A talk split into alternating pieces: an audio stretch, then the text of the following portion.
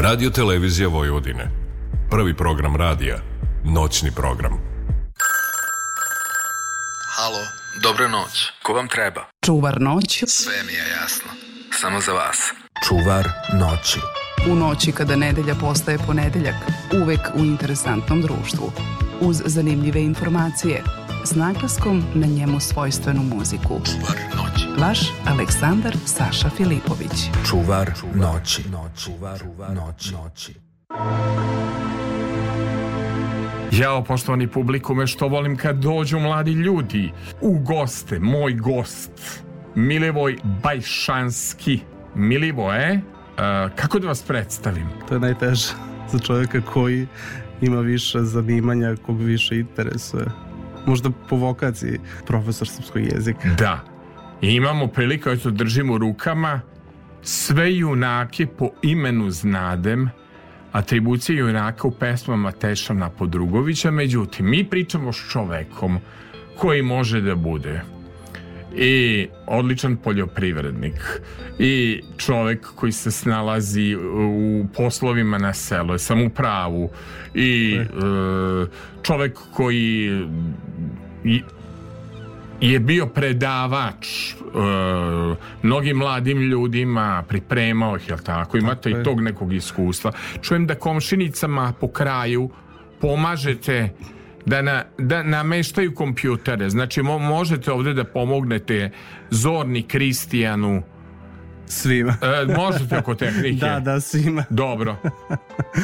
kolegi Feher oko poljoprivrede možete da pomognete oko uzgoja paradajza i tako nekih. On je čovjek koji obožava e, razumete se i u poljoprivredne stvari. Dete sa sela. Dete sa sela? A da. Iz Mokrina. Iz Mokrina. Gde se taj Mokrin nalazi? Odmah da mi pišu putni nalog. Kažu da, ide... da je Mokrin centar sveta. Centar sveta. Tako kažu. Gde je tačno? Geografski? Geografski kod grada Kikinde, iako mi kažemo da je Kikina kod Mokrina, ali to je neka naša geografija. Znači 12 km je udaljen od uh, Kikinde, koja je postala grad skoro, i 12 km od uh, Rumunije. Ako kažeš da si iz Mokrina, nisi napisao ni jednu knjigu, znači da se lažno predstavljaš. Ja više ne. Jel tako? ja više ne. A kako ide, nešto sam na vašoj Facebook stranici Milivo je jako zanimljivo pročitao mene babo oženio mlada žena jača ne da pokrivača je li to iz perioda narodno-oslobodilačke borbe? Jeste, jeste. Jeste, to sam video da je to zabeleženo negde u Županji, to sam skinuo sa folklorne zbirke Etnografskog instituta koja je trenutno ovaj, relativno skoro i oformljena, tako da mi je to bilo jako interesantno. Ja volim tako te lascivne uh, pesme, posebno u vezi sa ženitbom, jer ja sam u tom nekom, da kažem, uh, stadijumu pred ženitba, ženitba. Pa, jesam našli mladu? Pa uporno mi traže. Traže? Da, da. A, a ja uvek smišljam i nalazim pesme kako bih ih odbio. Ali da. to je jako interesantno, ja se zapravo poigravam time. Pa teško je za glava naći. Mislim da to i će biti, biti, biti teži proces. Pa verovatno da da. Mislim, la voli da se obuče, da se dotera i e, kako bih rekao, jako su on lepe fotografije na društvenim mrežama. Evo, ja sam čak i rolku obukao, moram da kažem. Imam sam veliki strah koji ćete rolku da donesete sa vaših od mnogobrojnih putovanja po, po okolnim zemljama gde proučavate istoriju, reći ćemo sve gde ste bili. I ajmo za početak. Čini mi se Mokrin je poznat po borbi gusana. Jesam li ja to dobro ovaj e, rekao. Provalio je rekao. Da, na standardnom jesu gusani, međutim na dijalektu jesu guskovi. Guskovi. Tako je, znači borba guskova. Guskova. Tako je. Znači ne guskova, već guskova. To je jako... Iš kako se guskovi bore? Da, jako, to je jako interesantno kada dođe televizijske ekipe i redovno svi pogreš. Čak i kad hoću da kažu, ne kažu guskovi. Guskovi. Guskovi. Znači, Guskova. Guskova, jeste. E, to je interesantno da kažem uh, sport. Sad, da li je sport, uh, mislim da je to više nešto uh, što ljudi rade srcem u selu, znači oni vole te životinje, međutim gledaju da iskoriste to što oni imaju prirodni nagon za borbom, pod, posebno kada je u pitanju dominacija gusana među guskama, naravno svaki vlasnik ima svoje jato gusaka gde je na čelu gusak, odnosno gusan, i onda to je prirodno da dođe do borbe uh, između njih. Pa su Mokrinčani samo ovaj, to iskoristili i napravili, da kažem, svetsko prvenstvo. Mi Mokrinčani za pravimo svetsko prvenstvo. Centar sveta, svetsko prvenstvo u farbanju, uh, uskršnjim farbanjem jajima, potom Memorial Mika Antić i to smatramo svetskim dan Raše Popova. Takođe, svetsko prvenstvo u borbi gusana. Kod nas je sve svetski sve svetske, se vi tako osjećate. Nego ja nisam, ja sam bio u tim krajevima ovaj, e, sramota je neka čovek obiđe Tursku, obiđe Egip, Egipat, obiđe ceo Jadran, ja sam poznat po tome, a negde u Banatu sam bio tek negde oko svoje 50. godine i onda kad su me videli u Mukrinu još nisam bio, kad su me videli u Kikindi, pitali su me to Jo, jeste vi Aleksandar Timofejev. Tako da mislim, karakteristika malih mesta se sastoji u tome što se svi znaju. Koja je odrednica malog mesta? Kada mi kažemo da ćete vi biti na radiju, a eto i radimo, da, evo, mi smo i moderni, radimo i podcast, zahvaljujući našem e, mladom m, kolegi Filipu Ćiriću, drago mi je što sam gospodina Ćirića sreo. Ovaj, hvala mi što radimo i video podcast, radio koji se gleda. Ovaj, um, hoće se, uh, jel, jel nije vest ako se ne proširi selom? To pitam za taj sindrom Frau Gabriele. Uh, da li u selu sve mora da se zna? U selu mora sve da se I zna. I da li će nam Kao što emisija će nam, znači moramo, da li ono ima kako je svirt kad geben daje se na znanje, daje se na znanje. Dakle, kako ide informacija, Vesna Čipčić mi je to pričala za Kihindu, kako ide informacija u selu kao što je Mokrin? Jel postoje seoske frau Gabriele, jel postoje e, ili su to sad preuzele društvene mreže, kako to ide u selu? Kako će ljudi znati da mi imamo emisiju na radiju i da imamo na YouTube-u link i kako će to da gledaju stara majke? Pa to uglavnom bude na društvenim mrežama, ako je naravno nešto u ovom formatu, ali ako se nešto desi u selu, onda naravno to ide od usta do usta. To je najbolja društvena mreža. Naravno to je kao da, e, narodna da, da. pesma, uvek varijanta, izbio mu levi zub, izbio mu desni kao pop čira, pop spira, bravo. ali uvek se nešto čuje. Jel volite, šta ste doneli od, od a, lalinske pitomosti da, da vam je dobra karakterna osobina. Šta imate da vam je tipično lalinski, a šta imate da malo je povuklo na ovu bosansku stranu, pošto imate uh, s majčine strane babu iz Teslića, a e, imate s očeve strane um, kako ste izme, izmešani? Da, mam, a, mami na strani Stes, mami na strani iz Teslića, znači baba mi iz Republike Srpske, znači iz Bosne. Joj da, pa tu ima ona banja, tu sam ja bio. Jeste, jeste, jeste, jeste. Kako jeste. se zove banja? Sade mi mozak, bio sam tu u okolini Teslića, jedna dobra banja s termalnom je, vodom. Jeste, jeste, zaboravio sam ja, da, da. nisam bio, ali majka je bila i rođice su bili. Fenomenalno je banja. Banja. Um, banja, banja Vrućica, kako baba, Banja Vrućica, tu sam prvi put jeo, moram da vam kažem, Jeste li hedonista? Yes, Gurman. Vidi se Znate li, da vam kažem, šta sam prvi put jeo u banji Vrućici? Ono lišće, evo da je nešto i kolegi Feheru kažem, mom ton majstoru, lišće ono iz mladog luka stavite u jogurt i u pavlaku. I jao krisi što je to specijalitet možeš samo to da jedeš meso da ne uzimaš. Ja sam na tom lišću smršao 5 kila. Ovaj to, to je to poreklo. Tako, tako da da, a, a? druga baba s očeve strane, Dobro. ona je um, iz sela Bošnjana kod Varvarina, znači ajde kažemo Kruševac, Srbijanka. Srbijanka. Da, Kakav... a deda, deda su mi Laloši. Laloši. Da. Kako se vi osjećate po karakteru? Ste Laloš ili ima malo tog gena nekad malo? A... E, imali malo i vatre? Mislim, pa ima, znate šta kažu za Laloša? Mi iskreno da se povežem i na, na te korene babine jedne i druge. Ja volim da se povežem i na ove druge korene. Znači, kod baba. Da, kod baba, da imate tog temperamenta. Za, po, za početak, ja ovaj playlista mi je zadala muka. Mislim, u smislu sve nešto tradicionalno, pa nema smisla. Pitaću zašto tako tradicionalna lista, ali dobro jutro, Vojvodino, prava pesma, Milan Prunić, Dima. Znate li šta sam ja od Milana Prunića dobio na poklon? Kad mi je bio u gostima, doneo mi je zaključeve, jednu jako interesantnu stvar kao neki ormančić i onda sve tu ključeve Ključe. staviš i nema šanse da izgubiš ključeve od podruma, od stana, od ormana, od televizijskog ormana. To mi je donao. Praktično. Naš Duma. Legenda vojvođanske pesme. Da, ja sam i zbog, evo, ovaj, hoću da se tabiram kao vojvođanin, posebno banaćanin, zato sam izabrao iskreno tu pesmu. Jako je lepa pesma, lepo što ste setili pesma koja baš se mm, vrtela i vrti na talasima radio televizije Vojvodine.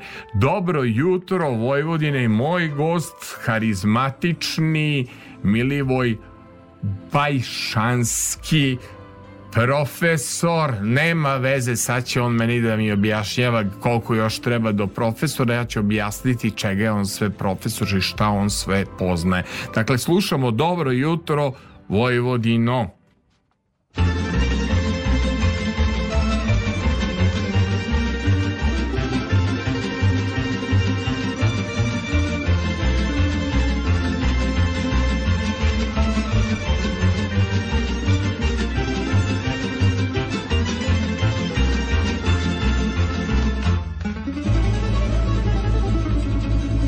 Se sunce na uranak sprema A so kako nigdi nikog nema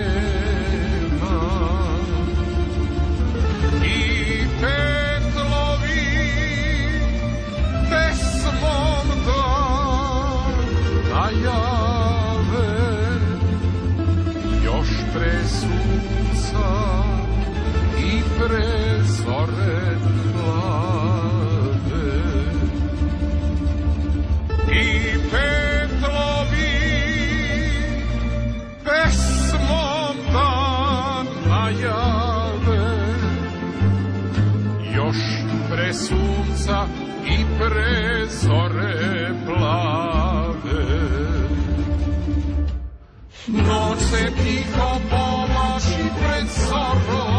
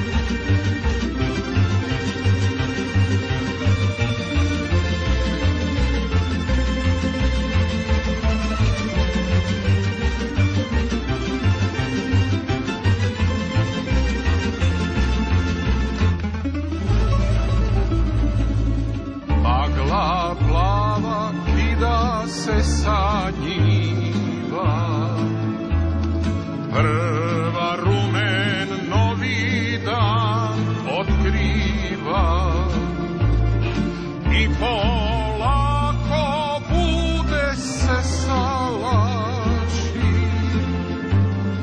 Dok ravnicom kaskaju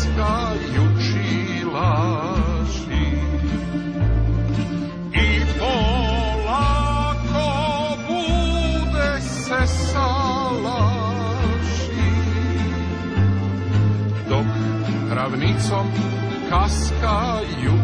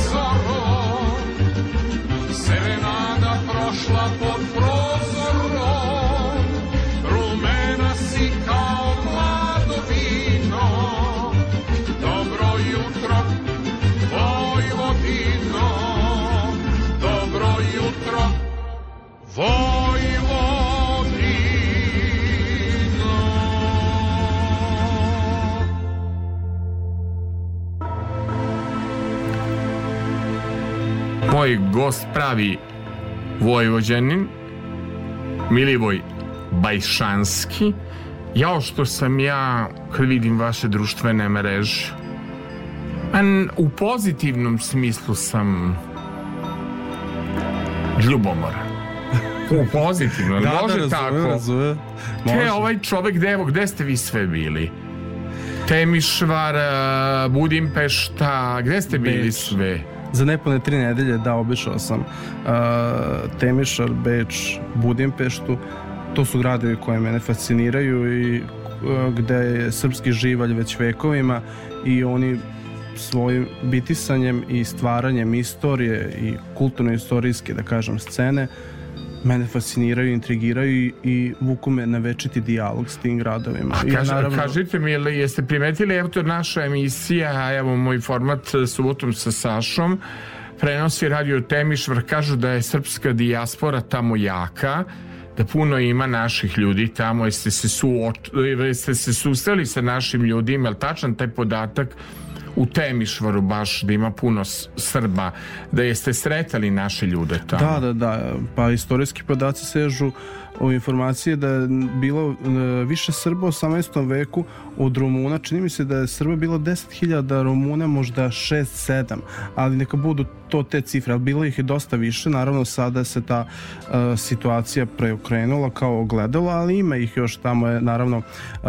Temišvarska eparhija, i naravno udruženje uh, Srba, imamo uh, srpsku gimnaziju, osnovnu, znači srednju školu. Uh, Srba ima, uvek se može čuti srpski jezik. Meni je bilo interesantno još kad sam bio gimnazijalac, ja sam se još tad zaljubio u Temišvar i uvek se rado vraćam i uvek vidim nešto novo. Naprimjer, oni imaju pozorište gde imaju srpsku scenu. To znači da je Srbima dato da na srpskom jeziku stvaraju da izvode A recite mi kako ipak svi kažu m, teško danas mladom e, čoveku putovati ili mladog čoveka više interesuju splavovi, klubovi, provodi. Kako vi uspevate da putujete toliko? Bogat vam je taj kalendar ili ono što sam ja uspeo da, Da, da, da. ovaj vidim e, prateći vaše društvene mreže e, uspevate da putujete mnogo, ali to posao omogući, da li to omogući rad na knjizi kako se uspeva da se putuje? Pa kako se uspeva? Više putovanja nisu toliko skupa kao što su nekada bila. Na primjer, ja sam izračunao da je meni povratna karta za Beč jeftinija od mog goriva za Mokrin na relaciji Stvarno? da na relaciji Novi Sad Mokrin kada bih ja kada ja odem autom. Da, Čak i podjednaka 40 evra. da.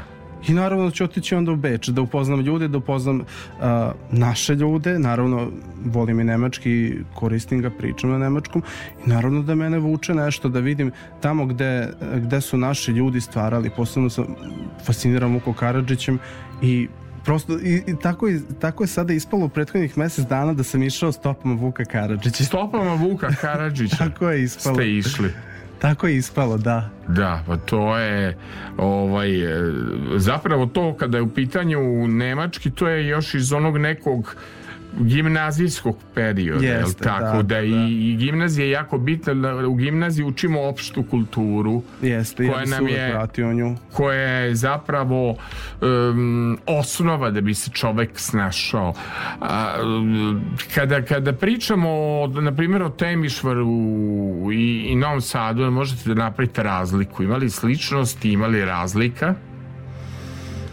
Pa, mnogi je sad za Temišvar postao kao i Segedin grad u kome se šopinguje, u kome se ide na Tako te... je, a to se meni ne dopada uopšte. Uh, meni se ne sviđaju destinacije koje su jednom postare, postale komercijalizovane, na primjer kao i što je Istanbul postao komercijalizovan, ja sam išao i Maja u Istanbul. Uh, Budimpešta još nije, uh, Temišvar je postao komercijala i uh, ja znam da mnogi idu uh, samo da bi išli u shopping centar ili tako da. Da. Ja, ja sam kao gimnazijalac išao tamo zato što su me vodili. Međutim, sada kad idem, evo ja sam sada bio u Temišaru, otišli smo na liturgiju i Iguman me odveo da vidim Lajčanski dvor.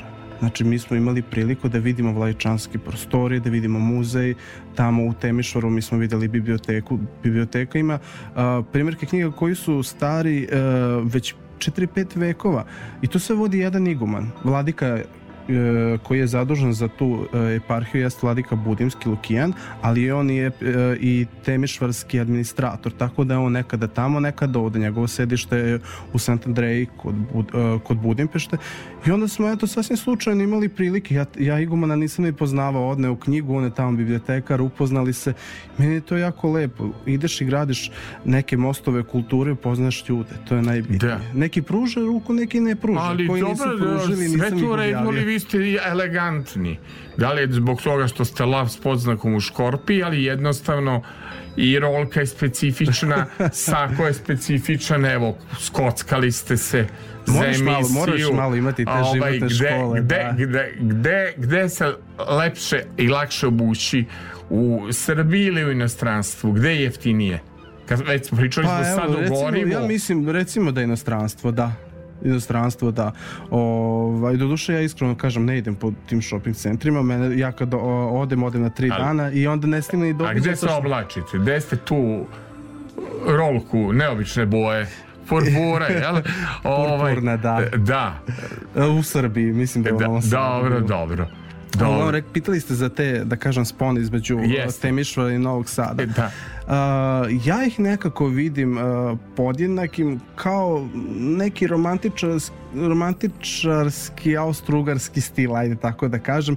Nekako me to tako podsjeća. Ovaj, uh, I mm, tak, tako ih i uh, posmatram. A kažite mi Beč. Beč. A, kažu najveći srpski grad. Da li ovaj d- se oseti u Austro-Ugarsku Beču neki oblik slobode? Da, da li te ko gleda?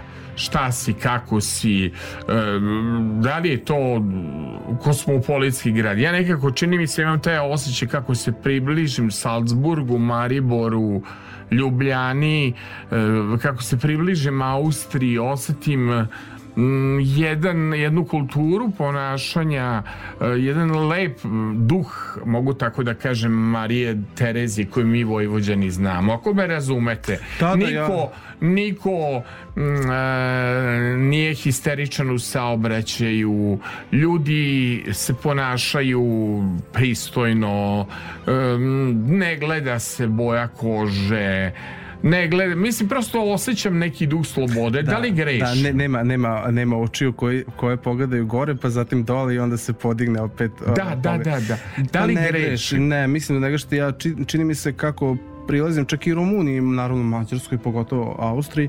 Um, prosto drugačiji pritisak je u vama. Jeste, osjeti se taj duh, ja pogotovo osjećam. Um, kažem, um, ja volim to jako, ali tačno se primeti, na primjer, i naši ljudi su drugačiji. To su vjerojatno ljudi koji su tamo i odrasli, rođeni su odrasli, ali to su ljudi koji a, ne mogu više da podnesu a, ovaj a, tempo života, možda ne i tempo života, ali da kažem mentalitet koji se kvari sve više i više i oni odlaze upravo zbog toga, zbog pogleda, zbog komentara, ali se osjeća.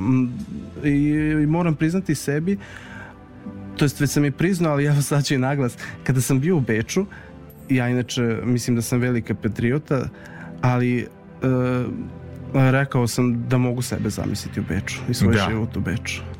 A, bio bi drugačiji život u Beču.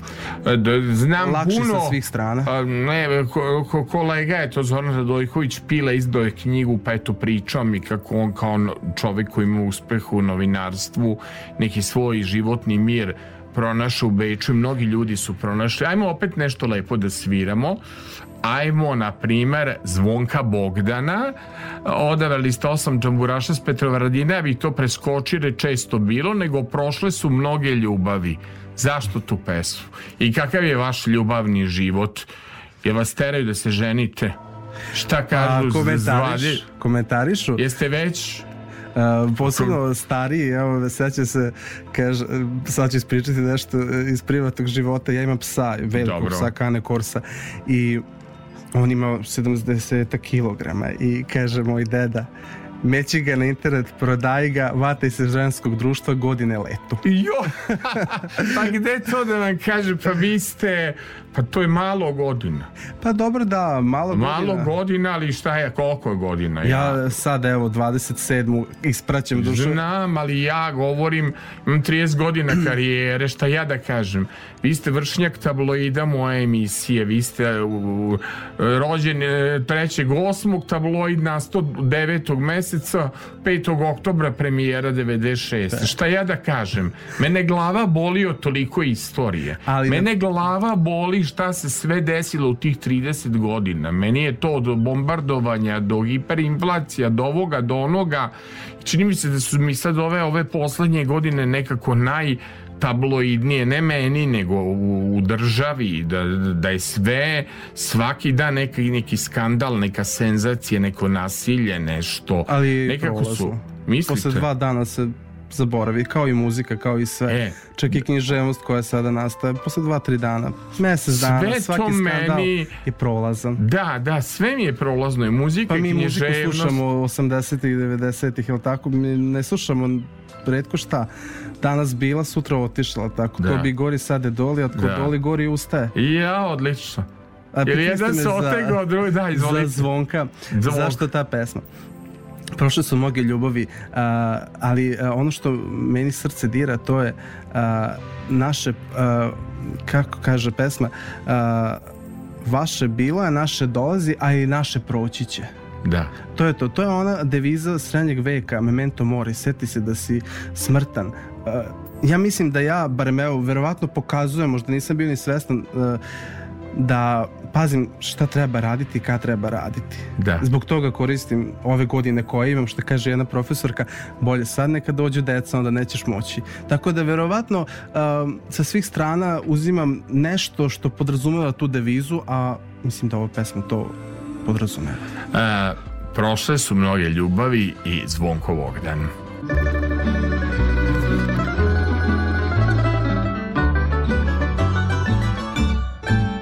Prošle su mnoge ljubavi Prošli su mnogi životi. I ovo naše prolazi A vaše dolazi. Sve što se zbilo nestaće I ovo naše prestaće A vaše vrime doći će ali i proći će. I posle svega ostaće pisma koju će pivati svi. I niko nikad saznati neće da si u pismi ti. I samo ti, jedino ti Moja ljubav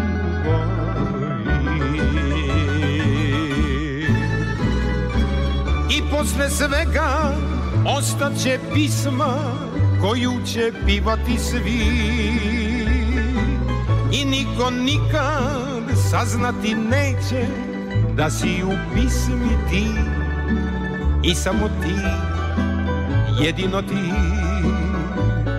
Moja ljubavi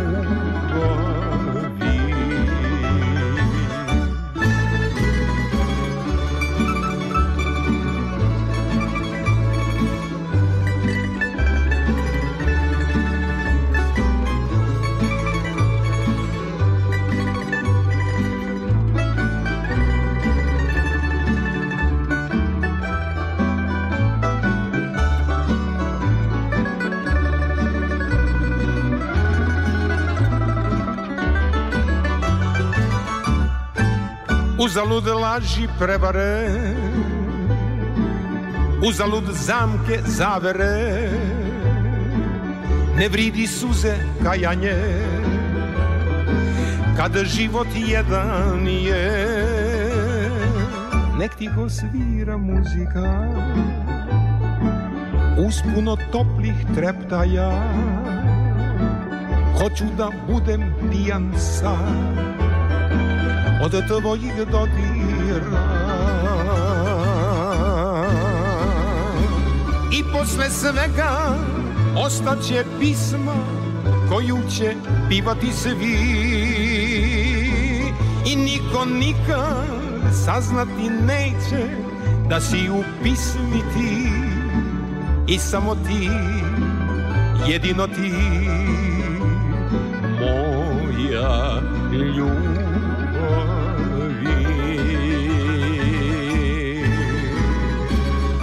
posle svega Ostaće pismo Koju će pivati svi. I niko nikad saznati neće Da si u pismi ti. I samo ti Jedino ti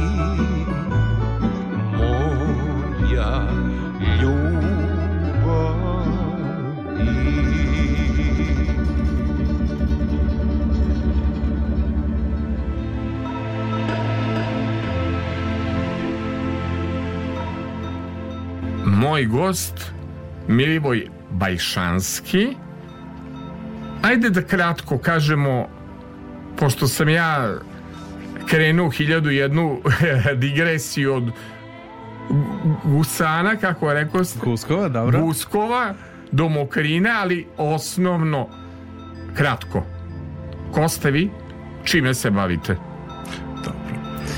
Ja sam uh, master profesor srpske književnosti i jezika. Trenutno sam na trećoj godini doktorskih studija na oceku srpsku književnost i jezik Filozofskog fakulteta Univerziteta u Novom Sadu.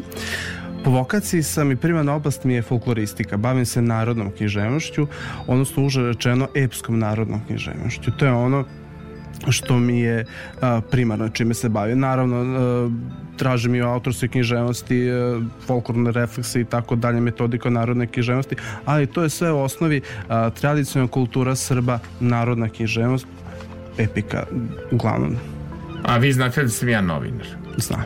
Je li vam to poznato? Jeste. I je li vama i poznato da mislim novinarstvo mora sve da na neki način učini kako bih vam rekao zanimljivim.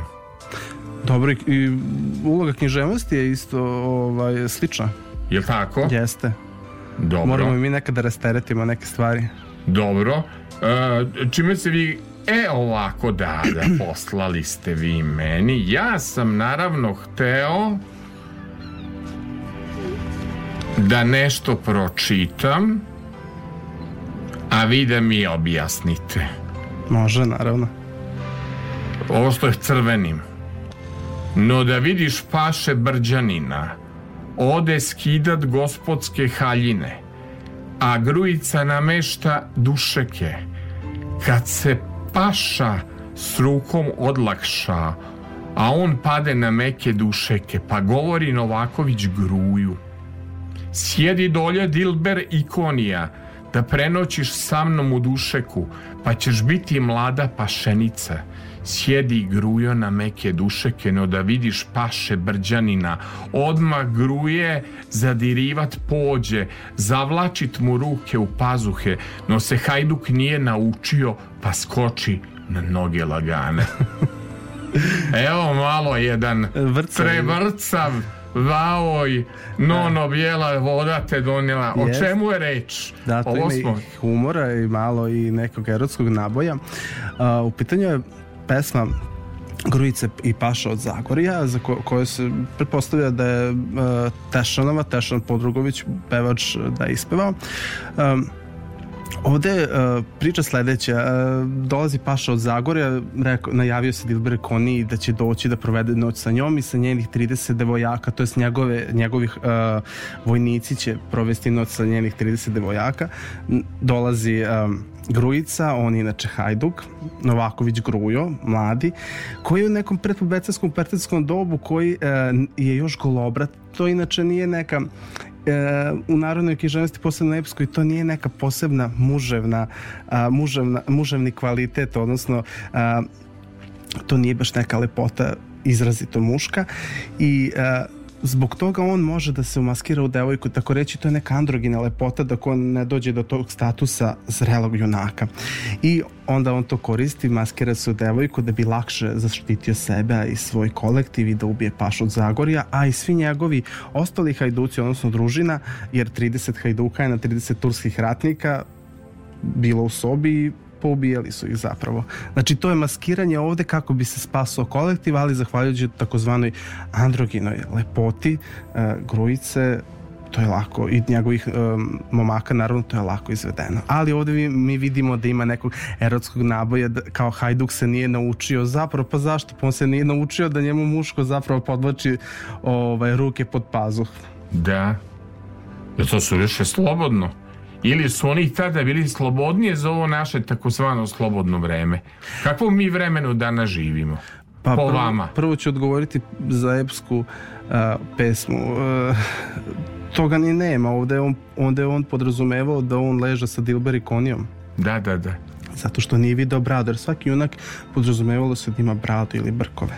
Znate, a, mislilo se da muškarac koji zapravo, u, govorim za tradicionalnu kulturu, za patrijarhalni svet, da svaki muškarac treba da ima bradu. Ako nema bradu, to mu je manjkavost. A da Ja. li mi živimo?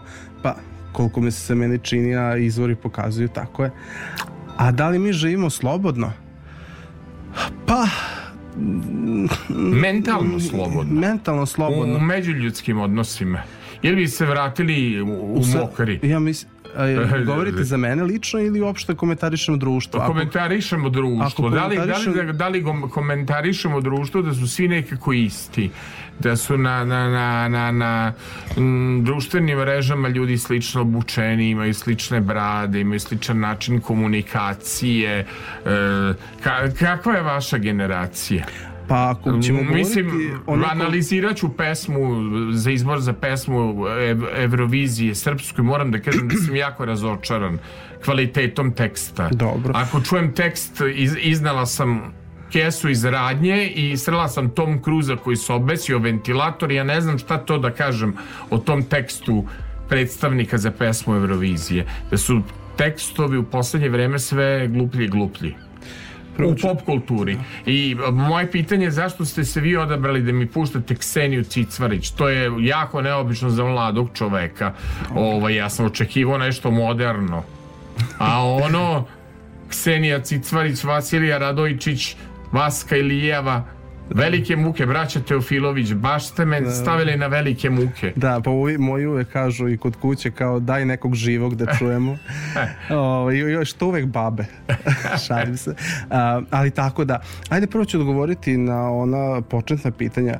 Da li smo, da li smo mi slobodni? Ne, mi jesmo, to je moje mišljenje i to se vidi.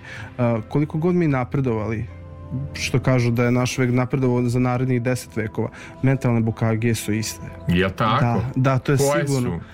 Mm, Pa pazimo šta će drugi da kažu. Pazimo da li će neko da nam lajkuje. Nisi A, da, da, da li je to po Mišljenje- vama licemerje već e, postalo na globalnom nivou ili u, u selu? Možda da li su u selu možda iskreniji odnosi na ljudima nego što su na Instagramu ili na Facebooku?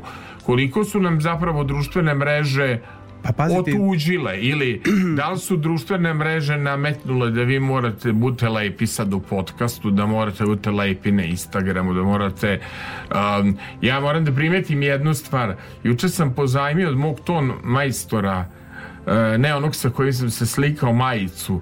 To je neverovatno kako ljudi detalji primete ja sam Novi pozajmio, outfit. da, novi outfit i odmah je fotograf koji mi je radio profesionalne fotografije rekao, opa Saša, novi imidž. Primetio sam koliko se sad gledaju neki detalji. Ali da je važnije ono što je u glavi. Pa da, ali detalji se gledaju, uvek se gleda ta forma, to, to je uvek tako ovaj Međutim, e, pitali ste da li je za selo karakteristični, karakterističniji iskreniji stav ili Da. na društvenim mrežama. Da, da. Pa vidite, evo ja ću komentarisati na svom primjeru. Ako ja okačim svoju knjigu. Iako Da. meni pola kolega s fakulteta ne lajkuje. Bravo, e, to Ja, mi je zna, jako bitno. ja znam da ovo postoji nešto.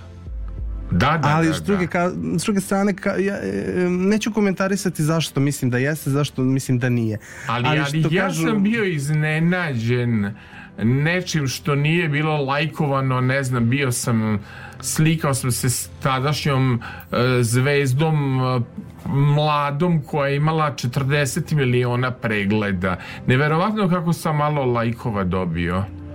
Da li nekad e, postoji, što kažu, zavist da se Znate šta, ne, e, mislim neko, ne, neko neće da, da vam verifikuje da ste vi uspeli. Naravno, sada su uspesi lični. Da. Ja smatram da je ovo moja knjiga, moj lični uspeh. Ali ne mora da bude uspeh i za mog kolegu. Međutim, ako je on to završio što je ja, trebalo bi da bude, jel tako? Gledamo ovaj, u istom smeru. Ali to su, ovaj, da kažem, neki bi rekli interesi malog čoveka. Sad mali veliki čovjek to, ovaj, verovatno da ne postoji, ali opet gledamo koliko smo mi a, uspeli da se izdignemo iz situacije, jer ko na brgo, brdo ako malo stoji više vidi, na one pod brdom a to nam putovanja omogućuju. I zbog toga ja volim uh, da upoznajem druge ljude, posebno kolege sa drugih univerziteta. Toliko nekad kad krenemo neke prepiske pa uh, zađemo daleko u noć, uh, toliko se osjećam nadahnuto da bih već poleteo da osjećam se da sam na tom univerzitetu. Ali kad ugasim telefon onda vidim gde sam i ko, ko, ko sedi na fakultetu Jel, pored jel, mene. jel, malo je zamereno da ste prekinuli tradiciju, da ste ostali možda u Mokrinu, a da niste otišli da u, ugradite univerzitetsku karijeru. Šta bi radili? U poljoprivredu? Čime bi se bavili? Koji taj opseg poljoprivrednih poslova koje bi radili? Znate kako Sada. to ide? To, na se, e, to se na selu zna prosto. E, ako je muško dete, ono već počinje da radi od bukvalno ranih godina, već 6, 7, 8 godina i on radi u kući, znači to je sve mora i u, na njivi, što bi se reklo polju, ali mora i u dvorištu i u svincu i, na, s- i u štali, to sam kažem na salašu, ali salaša Da. više nema. Dobro? Ovaj, Tako da, verovatno da bih, ali ja moram priznati koliko god to zvuči čudno, ja mislim da sam se ja izborio. To jest ne da mislim, ja znam da jesam. Um, uvek je bilo čudno, na primjer, znate, ovaj, s kim si takav si, moji se bave poljoprivredom, stočarstvom, nama ne dolaze akademici u kući, uvek dolaze, da kažem, ljudi iz sela i uvek je čudno, ne znam, e, što ni, e, mene si zovu tamo po nadim, koje Mićo, pa što te nema u dvorištu ili tako dalje. Ne, ja sam prosto uvek to, ja se sećam kad god mi je tata ulazio knjigu, a ja u, u, u sobu, a ja držim knjigu iz istorije. Ja sam samo to, ja sam bio jedno vreme ozbiljno zainteresovan za istoriju a, kojoj se i dan danas svakako ovaj, posvećujem, ali verovatno bih morao sve da radim. I znate kako, to na selu je a, jako interesantno. Čim imaš sina koji je a, dođe do neke snage, to je pubertetsko doba, uh, odmah, odmah imaju dobru radnu snagu. Uh, Da. da, moram paziti na detalje jer ja moram i da se vratim u znam, znate, da. ali o- ovaj, da me ne dočekaju, mi imamo neku Miloševu kapiju, sve što se dešava kao bermudski trogao, tamo nestaneš i sve, sve, što se Znači- desilo, tamo auto sleteo, pokod Miloševe kapije. Znači, moram da odem do, da vidim tu Miloša, Bermudski trougao. Prvo ćete tako. vići pa ću ja za vama. Dobro. Ali, Ali uglavnom či- teo sam da kažem, um, to vam je kao nešto ovaj, kod Bore Stankovića. Otac ima a, primat, čim ima sina, otac već odustaje i naravno sina, što bi se reklo, preže u plug. Da. To je tako, to su, možda zvuči strašno, to su kanđe patrijarhata. Da, da. Kaže e, Vladeta sad, Jerotić- sad je jako bitno ali neverovatno vi ste uspeli da pomirite i da poštujete tradiciju i da kažete radio sam sve kućne poslove i da volim svoj mokrin i da sam ponosan što sam iz mokrine i da pomirite opet neku modernost. Znači da... Ali iz Novog Sada. Što kaže moj drug jedan, Da, da, kad su da. oni svi tako voleli mokri što nisu očili da žive u njemu. Da, da, Mika Antić, Raša Popova, na Vaso Stajić, svi su oni kao kabinetski Da, profesori, posebno ovaj, a, Dučić, Rakić što govore, svi su oni srbovali iz kabineta. Jel tako? Pa da, jedino je Rakić otišao na Kosovo. Da. Znate? Hoćete da kažete da zapravo Novi Sad e, ipak pruža jednu mogućnost koju pružaju evropski svetski gradovi, jednu mogućnost e, Tako je, ne može se- života, napredovanja, Tako ne može se, ne može, ne može se sa, e, iz sela graditi, kajmo reći, popularno reč karijera, iako ja ne, ne pristajem da ja imam karijeru, ja prosto gradim ono što ja volim i ja idem tim putem, ako to neko naziva karijerom, ok, prihvatit ću je. Uh, da, mora se, mora se otići u veliki grad, Novi Sad, Beograd. Dobro, ali sad jednog dana ponude vam Beč, Temišvare bi bili u velikim mukama Budimpešta, da kažu treba nam Neko. kro neko kao što ste vi. Da li bi Pa, otišli da verovatno bih živite? otišao, kao što svi naši kažu e, ljudi, otići ću na pet meseci, a ostanu deset godina i tako dalje. Verovatno bih otišao, iskreno zavisi, zavisnosti e, kakva je situacija, znate, imate neke ljude baš u momentu kada spre- se spremaju da odu, upoznaju neku devojku ili tako dalje, ili obratno upoznaju budućeg muža. E, za sad ne bih otišao, a iako kažem kao i stipendisti e, Ministarstva za nauku e, Nije, ali ljubav bi vas zadržala. Pa mene- romantična luda.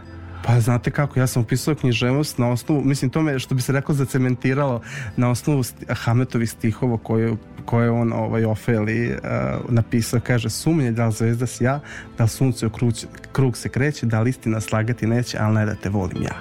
To je bilo meni na torti za 18. rođendan. Moji roditelji su se razočarali, mislim pre, uh, mama više, tati nisam uspeo da ovaj, izmamim osmeh ili da vidim šta je mislio. Kaže mama, ja sam mislila da će to biti nešto, nekako ono barice, ali tako nešto, pa grudi, znate već kako se... Znam. Da. Konobarice, kako je da pesma donesi krčak istine, goce Eto, tržan. da. I? I, i ja, sam, ja sam imao tri knjige i na poslednje pi- je bilo pismo i, uh, Hamletov upućeno Ofeli, a imao sam predivnu razrednu gimnaziju s kojom se dan danas čujem, mi smo sada kolege, ona mi je dala uh, kosovsku glavu. Jer ima jedna scena u knjizi gde Hamlet priča s kosovskom glavom u grobu. Ona mi je dala kosovsku glavu u kojem ona podučava buduće doktore, sprema za primni. Ja sam tako doneo. Duše nisam pred gosta, ali sam se slikao sa tom kosovskom Jeste glavom. slobodni. Kako mislite da sam slobodna? Jeste u vezi? A nisam. E, ajde da čujem. Šta mora da posjeduje ta buduća mlada da bi osvojila vaše srce? Pošto ja sad pričam s čovekom eto, koji tako doneo jednu percepciju e, preterane romantičnosti je živi u vremenima klika, Instagrama, sponzoruša, silikonki, e, kako bi rekla ona jedna voditeljka, neću dete da mu rađam ako mi ne pokloni stan, neću da mu e, to činim. Da li mož, moguće uopšte naći pravu ljubav o kojoj vi sanjate? Znate kako, Vladete Jerotić je lepo dopunio, kaže um, različitosti, različitosti se privlače, a, a sličnosti se traže. Dobro. E pa sad, neki nađu, neki ne nađu, znate, to vam je kao lutrija. Moraš da se krećeš. Šta god hoćeš, koji god posao da uradiš, moraš da se krećeš, moraš da... Pa vama kretanja ne fali, vi Bogu hvala, krećete se po ovome celom regionu i susednim Uvek mora da se zemljama. kreće čovek. Mora da se kreće ali, a, ali ne da to što bi se rekli danas da je to must have da se ja krećem tako da bih ja video sveta prosto ili to imaš u sebi ili nemaš ja volim ljude, ja volim da idem da vidim nešto novo, ja to prosto gutam i onda uvek volim da odvedem svoje prijatelje da ih vodim Jer ja puno prijatelja. a, Kakve su žurke? kako postajem stariji a, uviđam da imam poznanike i drugove.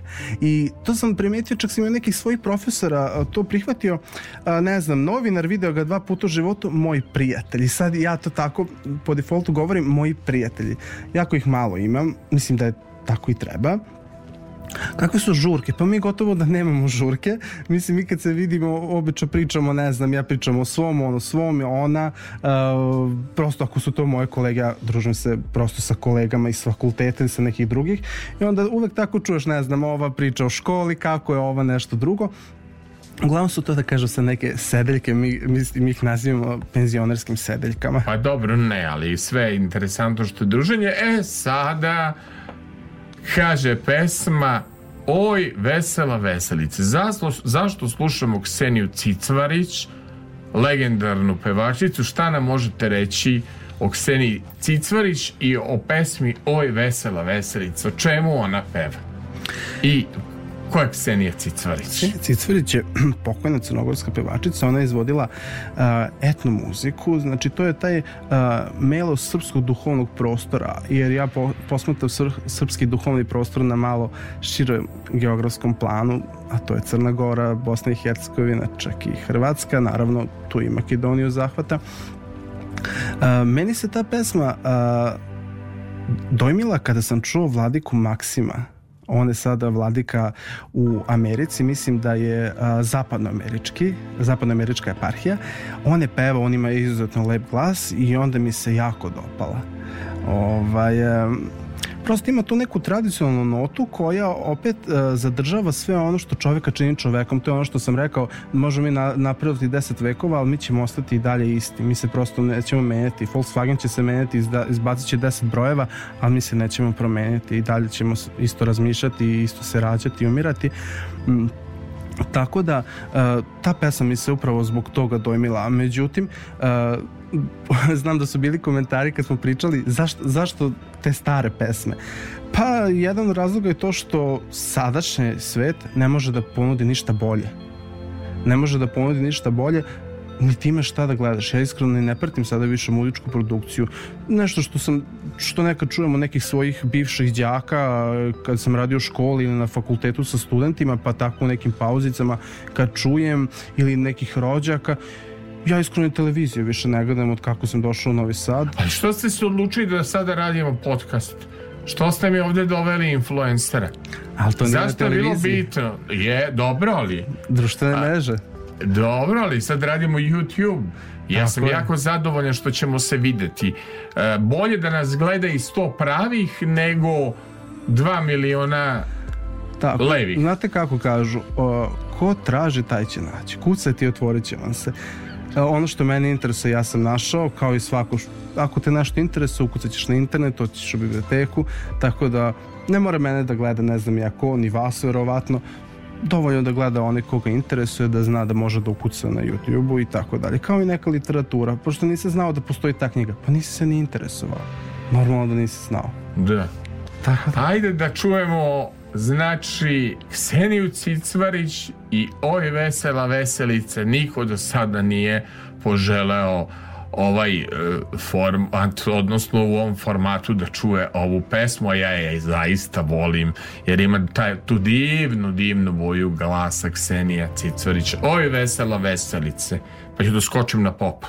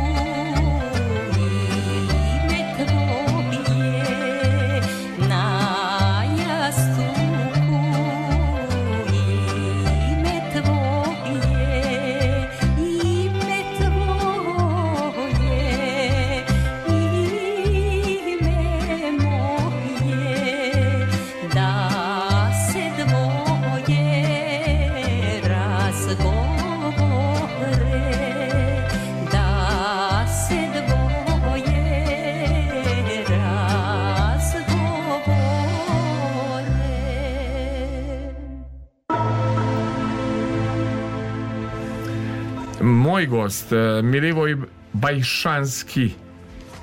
Milivoje, kako da vas zovem ovaj asistent, profesor, kako, kako da vas... e, Ja- autor, autor knjige, ajmo ovako, autor Može. knjige Sve junake po imenu znadem. Jer ih znate sve junake po imenu. Pa, boga mi, ove Tešonove znam. Dobro. Znam i više, ali o, u fokusu su mi Tešonovi. Dobro. Vi ste meni naravno, nismo na času, moram da vam kažem, srpskog jezika. Ne pripremam se za ovaj e, e, prijemni ispit. Ja ću se truditi da ne bude profesionalna A, deformacija. znači, odmah da kažem, rekli ste moramo po poglavljima, ja idem po dinamici. Kako god. Može tako, pa da ne da Snaći kaže da se se, nađemo ja. na pola puta. I odmah ovde kolegi Feheru kažem, moramo malo da pređemo na, na pop muziku. Inače, Ksenija Cicvarić, ako ovako nastavimo, prelazimo u redakciju za narodnu muziku. Ajmo ovako, Kažete? gospodine Milivoje. Ko je Tešan Podrugović? Jel može? Jesam dobro krenuo? može. Rekli ste po tezama knjige, ali ja ovako idem e, da budem dinamičan. Da, e, bitno, bitno, je, bitno je uputiti ljude i, e, i širu javnost, znači ja meni je jako stalno da m, sa, ne čita mene samo struka, meni je bitno E, pa to. Verovatno je to malo Zato lavovsko u meni, A Ne ali- malo, nego mnogo. Meni je važno samo da približimo, da bude dakle zanimljivo i n- ne možemo sve Naravno, na- naravno, Jel dobro prvo pitanje, ko je. Tešan Podrugović? Teša Podrugović je a, bio pevač Vuka Karadžića. On je rođen oko 1775. godine i umro je 1820. Znači imao je 45 godina. On je omiljeni Vukov pevač, rođen u selu Kazanci kod Kacka. Um, i e, po, po, pocu mu je prezime Gavrilović. Međutim, on je dobio, da kažem, to drugo prezime nadimak Podrugović ili Podrug, jer je bio toliko velik kao još po drugoga čoveka. Bave se inače trgovinom. S 25 godina je branio devojku iz porodične kuće od nekih Turaka i ubio je jednog Turčina i onda je morao da se odmetne u Hajduke. On je bio Hajduk, e, zna se da je bio e, veoma snažan čovjek, velik čovjek kako sam napomenuo, odvažan i bio je u, da kažem, u hajdučkoj družini. Međutim, šta se dešava? Um, on 1807. godine odlazi u Srbiju, tamo ga očekuje prvi srpski ustanak, takođe bojevi na Drini i odlučuje da se 1813. pre 1813. godine preseli u Sremske Karlovce. I on dolazi u Sremske Karlovce, uh, tu veoma uskudno živi, gotovo siromašno, a, seče trsku i prodaje i od toga zavređuje za život i za hranu i 1815. godine on upoznaje Vuka Karadžića.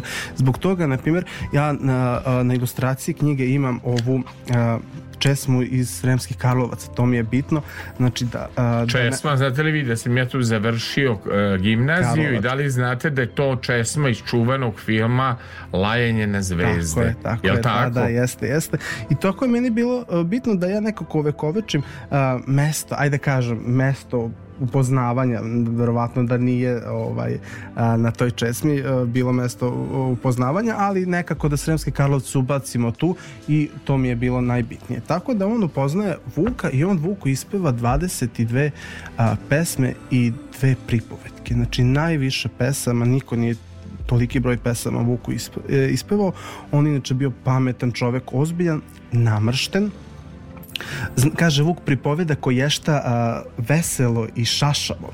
A, 1816. godine se on vraća u Bosnu, na, na primjer, ovaj, ubija Bega Omerovića, mislim Hercegovac kao Hercegovac, on se nikad neće pomiriti i ubija tog Bega mora opet da se vraća u Hajduke i on odlučuje uh, da se vraća da se vrati u Srbiju u nekoj grupi Kiridžija da kažem tih uh, putnika namernika uh, opet dolazi do sukoba s Turcima i oni ga gone u planinu, rane ga dva puta, spušta se u selo i 1820. oko 1820. godine on uh, umire. Teme ko, njegovih pesama uglavnom jesu ženitba i ljubav. Sve uh, njegove, uh, da kažem, teme pesama i to vidimo po naslovima, jeste ženitba. to je opet možda jako interesantno da se poveže sa mnom, eto. Ovaj, ja stalno provociram. uh, Stalno? Ja stalno Ja provociram. gledam. Ja stalno provociram ti pesmama a, na društvenim mrežama, volim jako bećarce i tako da stavim ovaj, posebno svoju rodbinu, tako, E, jako mi je interesantno da vidim, da izmamim komentare, tako da Tešan i po tome ovaj, e, blizak.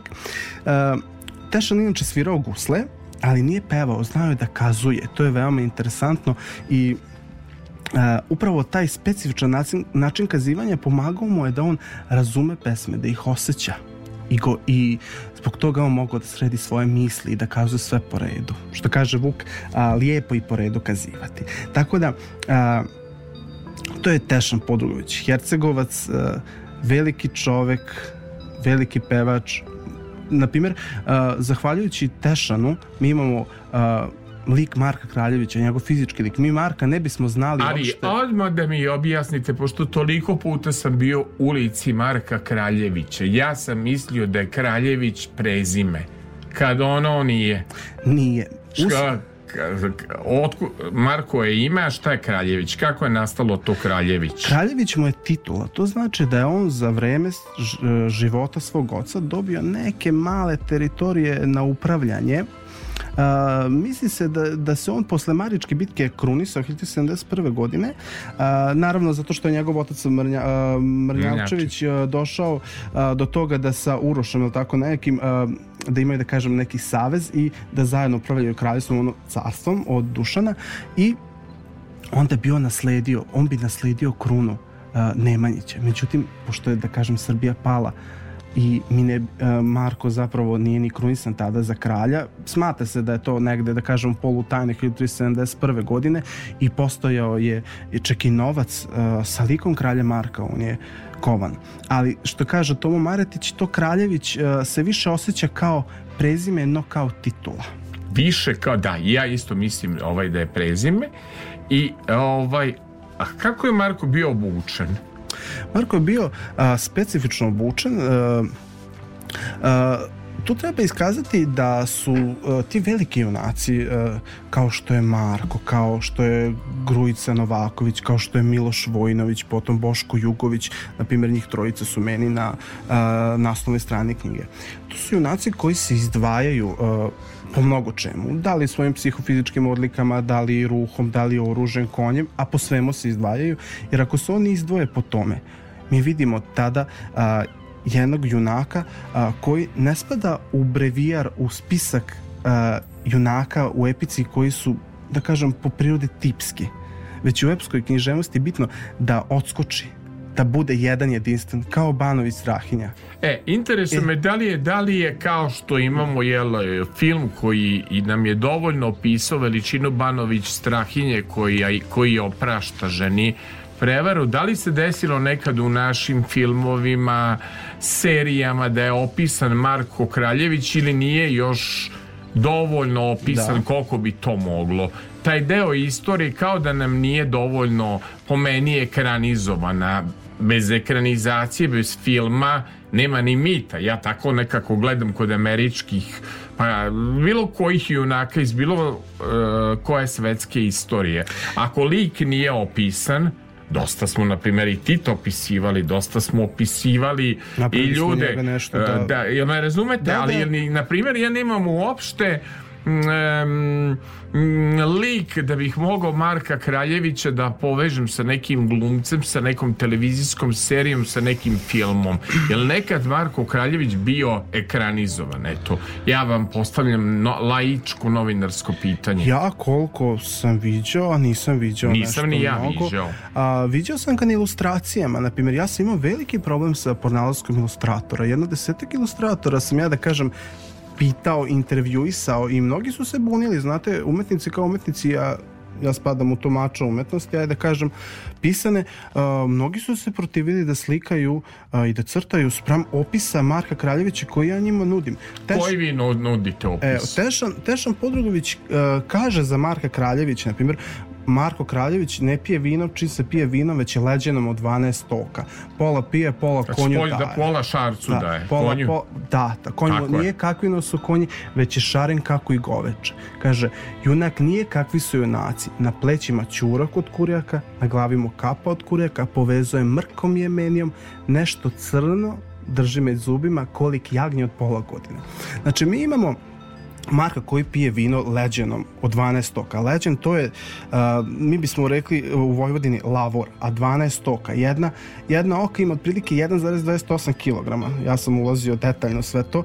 Onda vi možete misliti što to ispana da je otprilike koliko? 13 litara, tako nešto uh, vina on pola pije, pola konju daje. To znači da je taj konj neobičan. On i taj konj ima čudnu boju šaren kao goveče, a mi vrlo dobro znamo kako je goved. Kaže, junak nije kakvi su junaci. To znači da mi njega um, iz tog mora epskih junaka stavljamo na pijedestal. Znači Marko i svi ostali. Pa šta, imamo, kaže, junak nije kakvi su junaci, na plećima ćura kod kurjaka, znači on ima, da kažem, taj prsluk od, od um, vučije dlake, to naravno doprinosi na tome da, da on magijski zastraši svoje neprijatelje, ali takođe smatra se da ako junak ima nešto od, od e, neke životinje na sebi da mu daje upravo, upravo tu čud i neke karakteristike. Pa zbog toga Marko na primjer ima tu ubilačku čud vučiju čud takođe ima kapu od kurjaka. Ta kapa od kurjaka njemu doprinosi da je to neka uh, doprinosi tome da on ima neku vrstu totema neku amajliju koja će takođe zaštititi njega ali će opet uh, stavljam akcent uh, na to da on uh, zastraši svoje neprijatelje I to je jako interesantno. Zbog toga, zbog toga je Marko takav. I ja kad sam tražio, ja sam tražio ilustratora da ilustruje baš ovakvog Marka. Na primjer, jako je interesantno kakav je. On ima jedna slika u pesmi gde on drži i sablju i koplje u ruci, a u zubima drži te dizgine od konja, odnosno tu zlatnu vrpcu ili kako, kako li bismo je već nazvali kojom on a, upravlja konjem svojim šarcem. Profesore, sad ću vam reći jedan podatak. Kažete? Znate li da sam ja 1984. godine bio četvrti na takmičenju iz istorije? E, takmičenje se zvalo, bavilo se istorijom narodno-slobodilačke borbe i rata. Četvrti u Jugoslaviji. Svaka A da me veliki strah sad. S obzirom šta smo mi u moje vreme učili u Marku Kraljeviću, nismo učili dovoljno, ovaj, samo ono osnovu Marko Kraljević, Kosovka, devojka i tako dalje, sad vi bacate na me. Ja, ja, bi, ja bi imao strah sad kod vas da izađem na ispit. Morao Kad bi da dođem, ja, ja bi, ja bi, ja bi ovaj, morao da dođem prvo na pripreme kod vas. Da vi mene, ili da dobro pročitam ovu knjigu sve junake po imenu znadem, ali dobro radimo istoriju na neki novi, modern, drugačiji način. E sada to je, molba... to, je, to je usmena poezija, to ne mora da znači, to naravno nije, nema a, toliko veze sa ovom a, realnom istorijom. Primjer, jako je interesantno, postoji jedna knjiga a, istorijski, kralj, istorijski Marko Kraljević i epski Kraljević Marko, gde istraživač pokazuje a, šta je razlika, a šta nije razlika ovaj, između istorijskog i epskog Marka Kraljevića. Na primjer, istorijski Marko Kraljević se nikad nije pobunio ni protiv uh, sultana, znao je nekad malo da dočeka neku tursku jedinicu, njih petoricu, šestoricu kad se napije i kad uh, malo taj čurak preokrene i u pesmi je tako. A u pesmi mi vidimo šta on radi. On je spreman. I jako interesantno, u usmenoj poeziji, epskoj usmenoj poeziji, a, postoji ta veza između Marka Kraljevića i sultana, da on njega naziva, da su oni a, na relaciji sin i babo. To je jako interesantna socijalna uloga a, Marka Kraljevića. Ja baš imam jedan rad a, buntovanje Marka Kraljevića. Pokazujem koliko se Marko bunio u usmenoj poeziji. Ali da vam kažem, jako ste čudni. Svi iz vaše generacije su ili influenceri, ili youtuberi, ili su pobegli na društvene mreže. Ili su Puno pobegli iz sam- države. E, ili, ili su po- pobegli od poljoprivrede pa su krenuli da rade nešto drugo. Neobičan ste čovek u smislu toliko detaljan, toliko opčinjen istorijom, ali eto i to bavljenje istorije vam pružilo lep, zanimljiv život, da puno putujete, da puno vidite, da puno saznajete, da puno srećete zanimljivih ljudi. A zapravo studije književnosti jesu interdisciplinarne. Mi prosto moramo znati dobro i e, simboliku i istoriju umetnosti. E, prosto dešava se nekada ti moraš da kad čitaš neku knjigu da uđeš i na primjer e, žuta gošća srpske književnosti. Ti moraš prosto da znaš šta je žuta e, gošća srpske književnosti od koje je oboleo bio Branko Radičević, majka i brat, jel tako? Vi morate prosto znati, morate biti svestan čovek, hteli vi to ili ne. Prosto vi polazite od toga da su studije e, književnosti e, jedan, e, jedna, e, jedan činilac u niski koja se zove umetnost. Mi morate poznavati i arhitekturu. Na primjer, ja sam se ozbi- ozbiljno kole, kolebao kada sam završio master uh, na književnosti, da li da na arhitekturu i na, ili na istoriju umetnosti. I onda sam odlučio da će to ipak biti uh, književnost, da ću uh, pisati doktorske akademske studije srpske književnosti, ali se ja, i, na primjer, jako bavim uh, i tim nekim um, stvarima sa strane koje naravno jesu bitan činilac srpske književnosti uh, uopšte književnosti. Mene interesuje jako religija, crkva, prosto vi ne možete pa i da se bavite i književnošću, posebno usmenom književnošću, tradicionalnom kulturom, ne možete da ne znate neke osnovne stvari o, o kulturi, o tradiciji, o crkvi, potom verovatno, mislim, mene, o antropologija mene takođe interesuje. Kakav je to um, kakva je to zajednica koja, uh, u kojoj živi Marko Kraljević gde je žena u tom na primjer u, Gde žena? u kući žena nikad ne izlazi samo epski junak izlazi samo muškarac ide van kuće Koja Žena- mu je žena? Marko nije imao ženu, pokušavali. Pa to kaže. Ali govorim sad uopšte o tom uh, čoveku tradicionalne kulture, o tom patrijarhalnom čoveku. Ja sam sad spomenuo Marka, ali Marka su isto na primjer pokušavali da ožene, ali I neuspešno. neuspešno. Neuspešno. Dobro. A on s Kosovom kod devojkom nije imao ništa. Nije ima ništa. Dobro, pitam, ne Ništa. znam. Pitam, tabloidno. Moje da učinim ovaj podcast zanimljiv. Čuvar noći. U noći kada nedelja postaje ponedeljak. Prva dva sata radne sedmice. Specijalna noć kada slušalci prvog programa radio televizije Vojvodine imaju nekoga ko ih štiti od tuge. Čuvar noći. Uvek u interesantnom društvu. Uz zanimljive informacije. S naglaskom na njemu svojstvenu muziku. Čuvar noći. Vaš Aleksandar Saša Filipović. Čuvar noći. Zašto uopšte meni, evo, Ksenija Cicorić, zašto Da, on, da. ili zašto neko uh, ko ima sličan repertoar ili, na primjer, neko koga, koga stalno slušamo, Da. um, zašto stalno 80 i 90 Zašto? Uh, pa ja bih rekao da šta god nam se dešava u životu kad, prođu te bure i kad dođemo kući budemo svoja četiri zida mi smo svi ljudi prosto moraš i da odeš sa prijateljem, sa mužem, devojkom, šta god imaš. A, a oni se upravo bave time, čovekom i njegovom dušom. Mi smo toliko napredovali, ali vi vidite da mi nikad, e, da nikad više nije bilo ljudi kojima je potreban psiholog, psihijatar, uspešnih ljudi. e, Prosto vi vidite da se oni bore s nekim drugim stvarima. Ovde e, univerzitetski profesor, ne znam, neko osvaje milione, izgrađuje, a ima problem mm, mm, sa nečim što bismo mi danas rekli normalno, uslovno rečeno šta je to normalno, to sam još na fakultetu naučio od svojih profesora sa psihologije, pitanje je šta je normalno. I onda mora to da se definiše, ali to su nekako pesma koji se prosto bave malim čovekom, iako ja stvarno ne volim tu floskulu, mali čovek, čovek je čovek što kažu isto se rađemo, a isto ćemo i umreti. Da li je, da, lepa je ta floskula kad kažeš mali čovek ili čovek kao običan sav normalan svet kad vidiš one pokondirane tikve i kad vidiš one koji se hvale onolikim novcima i onima koji su toliko bahati primitivni, bezobrazni, onda ta konotacija mali čovek je jako dobra Nekad konotacija. smisao, ja da. Zavisi šta je volim, korelativ.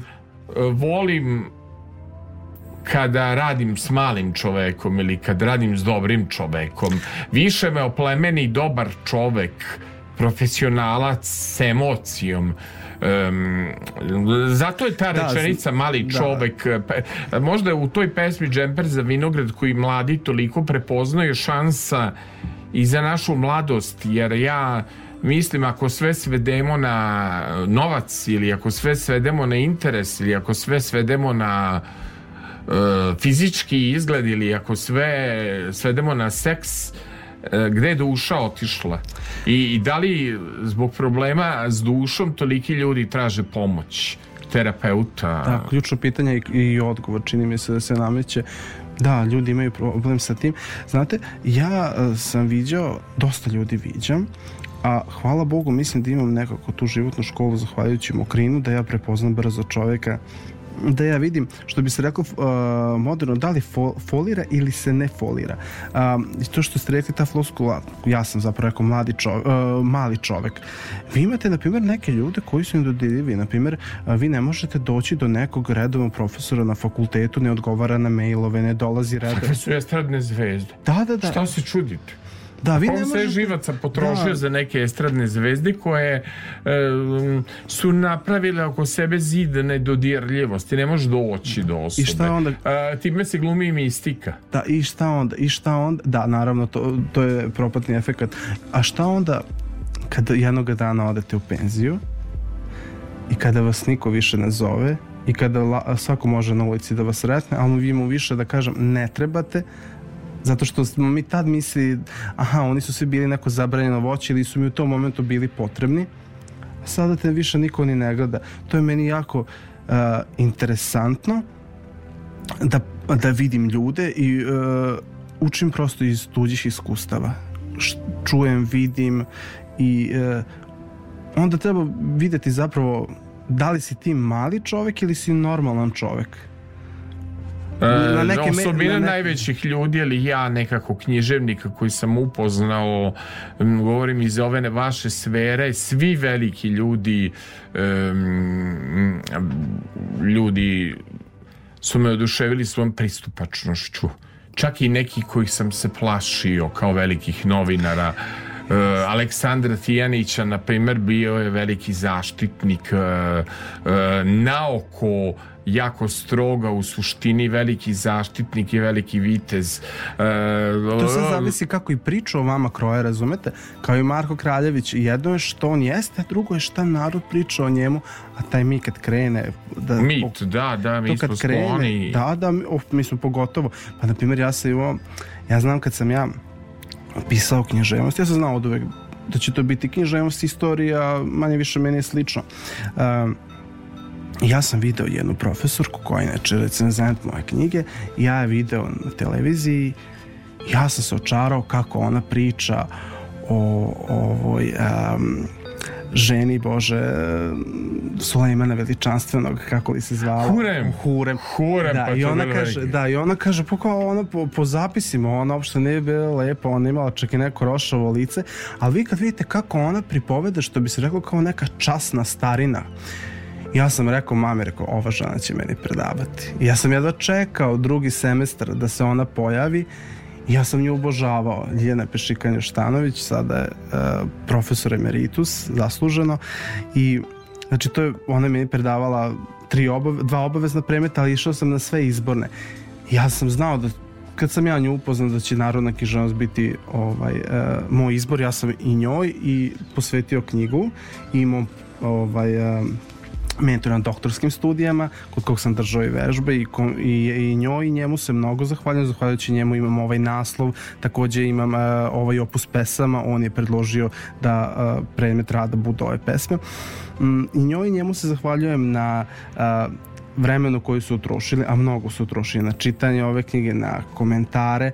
E, toga danas nema. Ja, ja kažem, kad sam profesoru pisao e, posvetu i uvek gledaš nekako da izbegneš da ne bude ona lažna zahvalnost i onda sam napisao pomalo je takih junaka profesoru, naravno, to je citat iz Banovića Strahinje.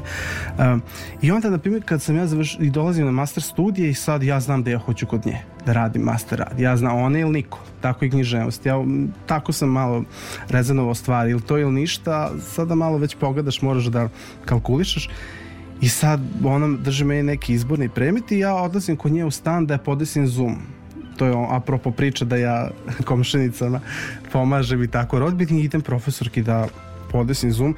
Ja odlazim kod nje da podesim taj, tu Zoom aplikaciju kao da odlazim ne znam ja gde. I sad on kao, pa šta bi ti radio, šta bi ti radio za master rad? Ja kažem, pa ja bi volio narodnu književnost. Ja se ne kažem, doću tebe.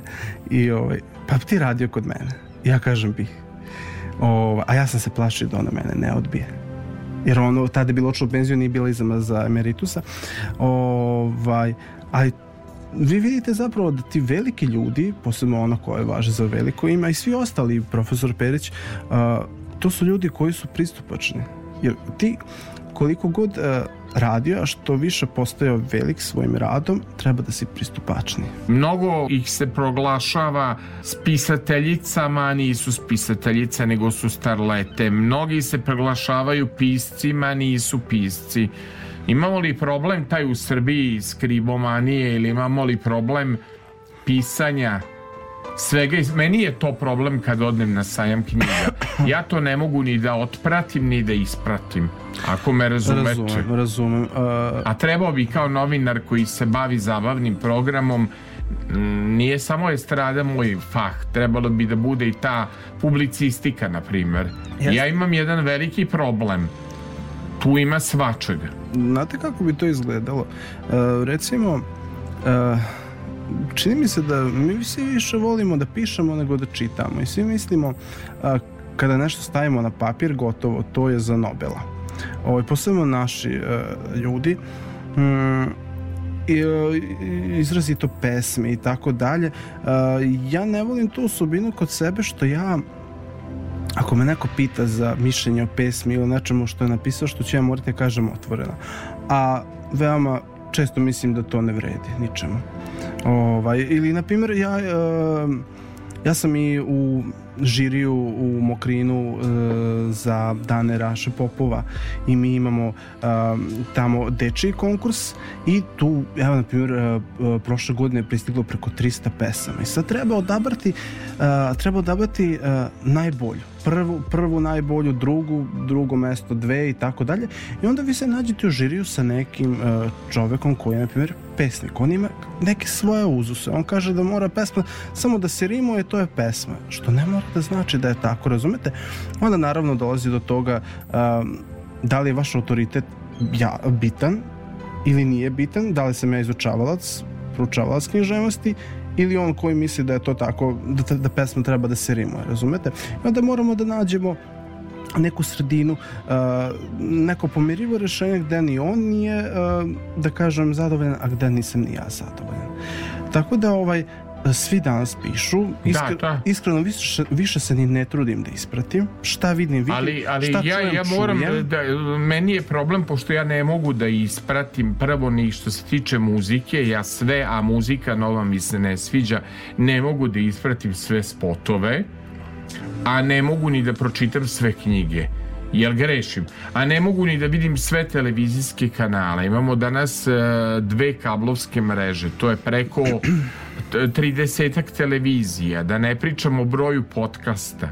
Ja ne mogu sve ni da e, pošto pišem i kolumnu za dnevnik, ja jednostavno ne mogu sve da stignem da vidim. E, Mislim da je jedna hiperinflacija proizvodnje toga. Tako je, možda nekad treba sačekati. Ja, na primjer, imam ta, takav odnos prema filmovima. Ja ništa nisam gledao od ovih fil, domaćih filmova, serija, Ništa. Nije. o Nemanjićima, o Lazi Da, da, da, Kostiću. nije. ne, iskreno čak se izoblažnjavam neke stvari koliko mi imamo danas. Ja, sam gledao Aleksandara ovaj od Jugoslavije korona me naterala pa rekao Da. ajde da pogledam A znate šta je interesantno? Kako mi jako loše glumci imamo. Posebno mlade. da Ja se frapiram. Koliko ja to... konačno malo jedna tabloidna kol- tema Koliko to... ja isto to mislim da mi nemamo Mi imamo jednog mi, mladog mi glumca nemamo kog stavljaju u razdoblju između prvog i drugog svetskog rata i to je to. Znači on treba malo da ima zalizanu kosu, tako neko talasastu, naravno. ne, ali, ali znate Bog mi je te video sledeći, sledeći na hiljadu načina. ovaj, priču koju govorimo? Pa ne, baš dolazimo do tog glumca da je bio možda u filmu dobar, a onda se nije snašao show u programu. Jer je vama neobična pojava da danas se glumci stavljaju da sve vode. A formate. Danas će glumac da vodi i jutarnji program i, i, i Beogradsko proleće i show program Ali zapanjujuće koliko ali- je loš u tome. E, niko to primjer, hrabro i- da kaže. ja retko- A, ja, ja koji inače, glumac- retko ja inače smatram da mi nemamo glumaca harizme jednog Dragana Nikolića, jednog Bate Stojkovića. Pričamo o starim Miša vremenima. Jankitić. Miša Jankitić. Mi nemamo, ajde ja bih rekao, možda će to biti subjektivni stav, ali zapravo da po meni e, jedan od redkih harizmatičnih glumaca um, ovde je Andrija Milošević ne znam zašto, ali meni on jedini ima uh, j- Harizmu, jak je na da. društvenim Harizmu, da. mrežama jako je harizmatičan uh, jako je, ali pričam da ja imam problem sa mlađim glumcima evo sad koliko je filmova o, o, o, o, mm, pušteno da ja ne pamtim te ljude kao što sam na primjer Štanc. E, e, gle- Štanc gledam reprizu serije ove e, Grlom u jagode i kako se zove ona bože serije Šotra je radio o Više od igre Dobro. Gledam mladog Petra Božovića, pa gledam Nikolu Simića, pa gledam plejadu neverovatnih Svaki glumac glumaca. za sebe. Voja Brajović, dobar je u kom god je formatu od otpisanih, da vam ne pričamo o Draganu Nikoliću. Ali da načinu naglasimo, to nisu sa- ljudi koji su tada u srednjih godina, to su mladi ljudi koji Mladi, su idealni. mladi, mladi. Pogledajte otpisane. Da, ja da, volim da. tih, e, tih, je- tih je prvog prleta upravo kao mlade. Ja sam Da. ih gledao onda. A znam, pa, na primjer, evo, pogledajte vi koliko mi imamo glumaca koji pokušavaju da recituju. Znači, Da. ja to kad vidim, meni prosto nije dobro i onda ja pomislim, baš kad komentarišem, posebno pre sa svojom majkom, pa tebi ništa nije dobro.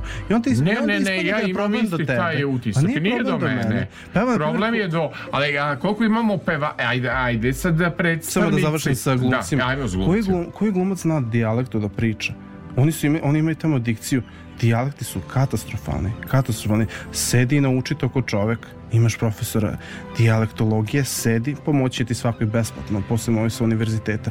Oni se ne trude uopšte, grozota. Znači, vi imate, ne znam, u Kosovsko-Resavskom ubaci onaj tipičan beogradski. I njemu je to normalno. Razumije? Ali A- pogledajte, vidite uh, ne znam, zona Zamfirova kako se presnimala, mnogi je kud, meni je sasvim dobro. Ne. Snimano je kako se snima spektakl, možda kako se neka snimala i Sutjeska i Neretve kada govorimo o tim gde su, stvarima. kažemo, manuli o dijalektu, o akcentu. Ovde sad tako, ko stigne, kako, uopšte. Joj, zato ja imam averziju prema ovim serijama novim domaćim nikako da me Sneža Milanović natera ovaj, e, da pogledam neku domaću seriju meni to sve isto dosadno i sterilno a tek e, ajde da govorimo o Montevideo, show te video programe na hiljadu načina kad krene ono uh, samac u braku i sve to, to je meni sve isto. Igra Potpuno- sudbine, tek da ne Sve- pričamo. Sve, To nije ni primačika Sandri, Esmeraldi i dinastiji. Tako, tu su svi isti glumci Zona Zamferova, drugi deo. Žali Bože, mislim što se to i snimilo iskreno. Ovaj, A šta o muzici tek da pričamo? Ja, bila top lista baš na jednom komercijalnom kanalu, kaže top 20 najpopularnijih pevača, ja nikog ne poznajem. Ako me možete razumeti, oni dakle rangiraju mlade neke pevače, ja uopšte ne znam ko su te, to, to- ti ljudi, jel? jeste, da, da, da. Da.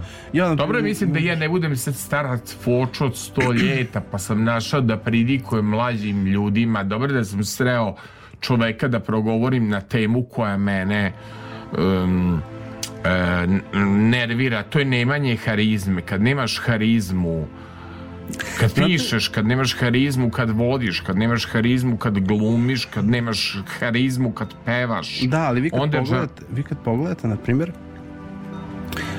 trenutno Evo u Novom Sadu, u Beo, idem u Beograd često, ali ne stižem da odem e, na predstave. Obično se dobe predstave daju radnim danom u Narodnom pozorištu, ja iskreno ne stižem. Ali ja gledam u Novom Sadu glumce. Znači, trenutno, po mom mišljenju, najbolja a, klapa, glumačka klapa jeste sa akademije koji glume tri zime. Znači, to je, to je predstava koja se rasproda za 20 minuta. Ja nju motam već dve godine i tek sam u drugoj godini relativno skoro pokušao, otišao sam drugi put, ja više volim da gledam. Vi ako pogledate nešto mm, u našem najstarijem pozorištu u SNP-u, što kaže meni jedan čovek, kaže e, nešto mora da se igra zbog komercijale, a društvo, drugo zbog visoke umetnosti što finansira država. Znate, ja mislim da, da, su, da je prosto i modern čovek, a naravno ima svoje zanimanje, počeo tako i da igra po tim notama kojim se nude. Jer sve se piše i po projektima, glumi se po projektima, e, moraš da završiš, mislim, ja kad sam čuo, snimamo film za mesec dana, kad će on stići da pogleda nešto da malo uđe u to. Na primjer, ja kad, sam, kad smo radili ilustraciju, evo sad pravim digresiju, pa ja sam morao da, da angažujem ljude sa etnografskog uh, instituta, a, mene interesuje, znači ja moram da vidim kakve, a, kakva je čoja, znači da, da, li je, da li je Miloš imao baš ovu purpurnu boju ili imao crvenu boju, takođe, pa znam, imao sam problem oko ove zastave Boška Jugovića, da li, je ovo, da li će on da nosi um, grb kneza Lazara ili baš kako je u pesmi. Pa sad da li je bela pozadina ili crven krst ili obratno. Na primjer Crnogorci su imali baš bela pozadina crven krst, a mi smo imali crnu pozadinu crven krst, e, beo krst. Znate, mislim, meni su to zadavali muka. Ja vidim kako neki ljudi ulaze tako bez problema u nešto. Izgleda je to neko Ali- ali je- samopouzdanje bez pokrića. Ali ja moram da kažem da je novinarstvo postalo takvo danas. Odavno. Danas je novinarstvo, ajmo ovako, Novinar danas Po- može da bude ko hoće. e, resavska škola. Da. ta, takozvano portal novinarstvo, prepisivačko novinarstvo, još ako laž krene da se prenosi, Naravno. a pošto vlada je resavska prepisivačka škola na portalima, ne do Bog neka pogrešna informacija, ona će da bude na Znate, 50 različitih Kako kažu u školi, ako prepisuješ, prepiši bar pravilno. Ako prepisuješ, prepiši pravilno. Ali mi smo ovde da nešto i naučimo o ljubavi, jel može? Može. Ko je Vaska Ilijeva? Ovaj, evo, na primer, poznat sam, kažu za mene, hodajuća enciklopedija, ali više za zabavnu muziku, ali eto, e, Vaske, prvo neobično mi je da čovek s ovoliko malo godina kao vi bira Vasku Ilijevu Dobro. i molim vas izgovorite da ja nešto ne pogrešim. Za Kako, ne, recite mi kako se zove pesma. Što? Kučinja Lajat, Mori Mome Eleno. Uh, Makedonci imaju akcent na trećem slogu od kraja. Dobro. I, ali pošto su ovo kratke reči, uvek će biti na prvom slogu. Ko je Kučinja? Vaska Ilijeve? A, Svaska Iliva je a, pevačica tradicionalne muzike u a, Makedoniji. Koliko a, sam ja uspio da ispratim njen a, rad, ona uglavnom peva te a, pesme koje govore o obnovi Makedonije. Znači, Makedonija kao država i posebno njenog uspostavljanja, ili tako, njihov jezik, ajde da kažem, zvanično uspostavljan 2. augusta na Ilindan uh, 1945. godine. Ona gleda, ona gleda da peva a, te pesme koje se tiču Makedonije, da kažem te obnove, ali one stare Makedonije. Primjer, ja sam izabrao ovu pesmu koja je veoma interesantna, gde dolaze, kaže, uh, Aramenita traže a, muža, gde ti je muž, kaže otišao je tamo, otišao je vamo, međutim i onda oni odseku i ruke i a, kosu, ali kad kažu da će da ubiju maško čedo, muško dete, onda ona govori da je muž. I onda A gde ste čoveče to naučili? Je li YouTube izvor, je li ploča izvor, šta je izvor A- saznavanje neobične muzike, je vam to puštao neko iz porodice? Vi nemate makedonskih korena. Gde ali ste sam, to im, ali sam naučili? imao makedonski jezik na fakultetu i makedonsku književnost. I on, čuo sam od profesora iskreno ovaj, na fakultetu za Vasku. Pustio je, naravno nikom nije bilo interesantno. Ja sam se zaljubio u Vasku, ja sam studentima puštao Vasku. Ajde onda, pošto ste puštali studentima Vasku, Vaska Ilijeva, što kučinjat, lajat, mori, mome Eleno. Jesam prošao na Tako je. času dikcije. To je to. To je to. Hvala profesore.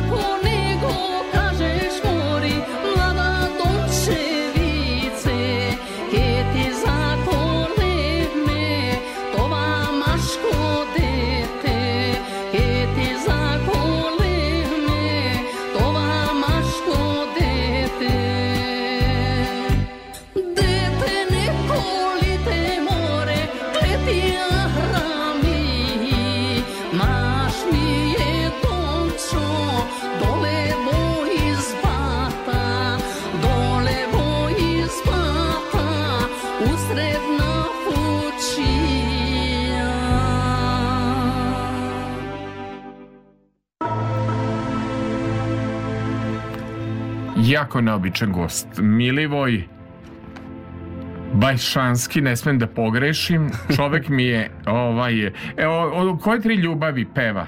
Ima tri ljubavi ona. Jeste. Ljubav prema, Detetu, dobro, tu je najslabije, ali tako na pomen e, ubistva deteta odala je odmah muža, ljubav prema bratu, gde, gde još nije poklekla i ljubav prema mužu. dobro. Nekako bi to bilo gradacijski. E, moram da ti kažem, joj, izvinja se, moram da vam kažem, e, jako neobična osoba. Čovek sa sela, pa intelektua... ponosno to ističemo. A, ponosno i, i, i nadam se da ćeš moći da se vratiš u selo. Koga imaš da pozdraviš u selu? Ja imam svu rodbinu, moji su svi tamo, moja porodica, moja tetka, jedna, druga tetka, druga tetka. Ja sam uvijek imao sreću u tetke, uvek. Da. Jedna mi poklonila knjigu, kućnu biblioteku, druga mi je nalazila uvek poslove neke, da radim u biblioteci ili tako nešto. Uvek, uvek su me tetke volele. A imam, a imam i sreću što sam jedino muško i sa dve, sa ujakove strane dve uh, sestre, dve sestre od tetke i sestru rođenu.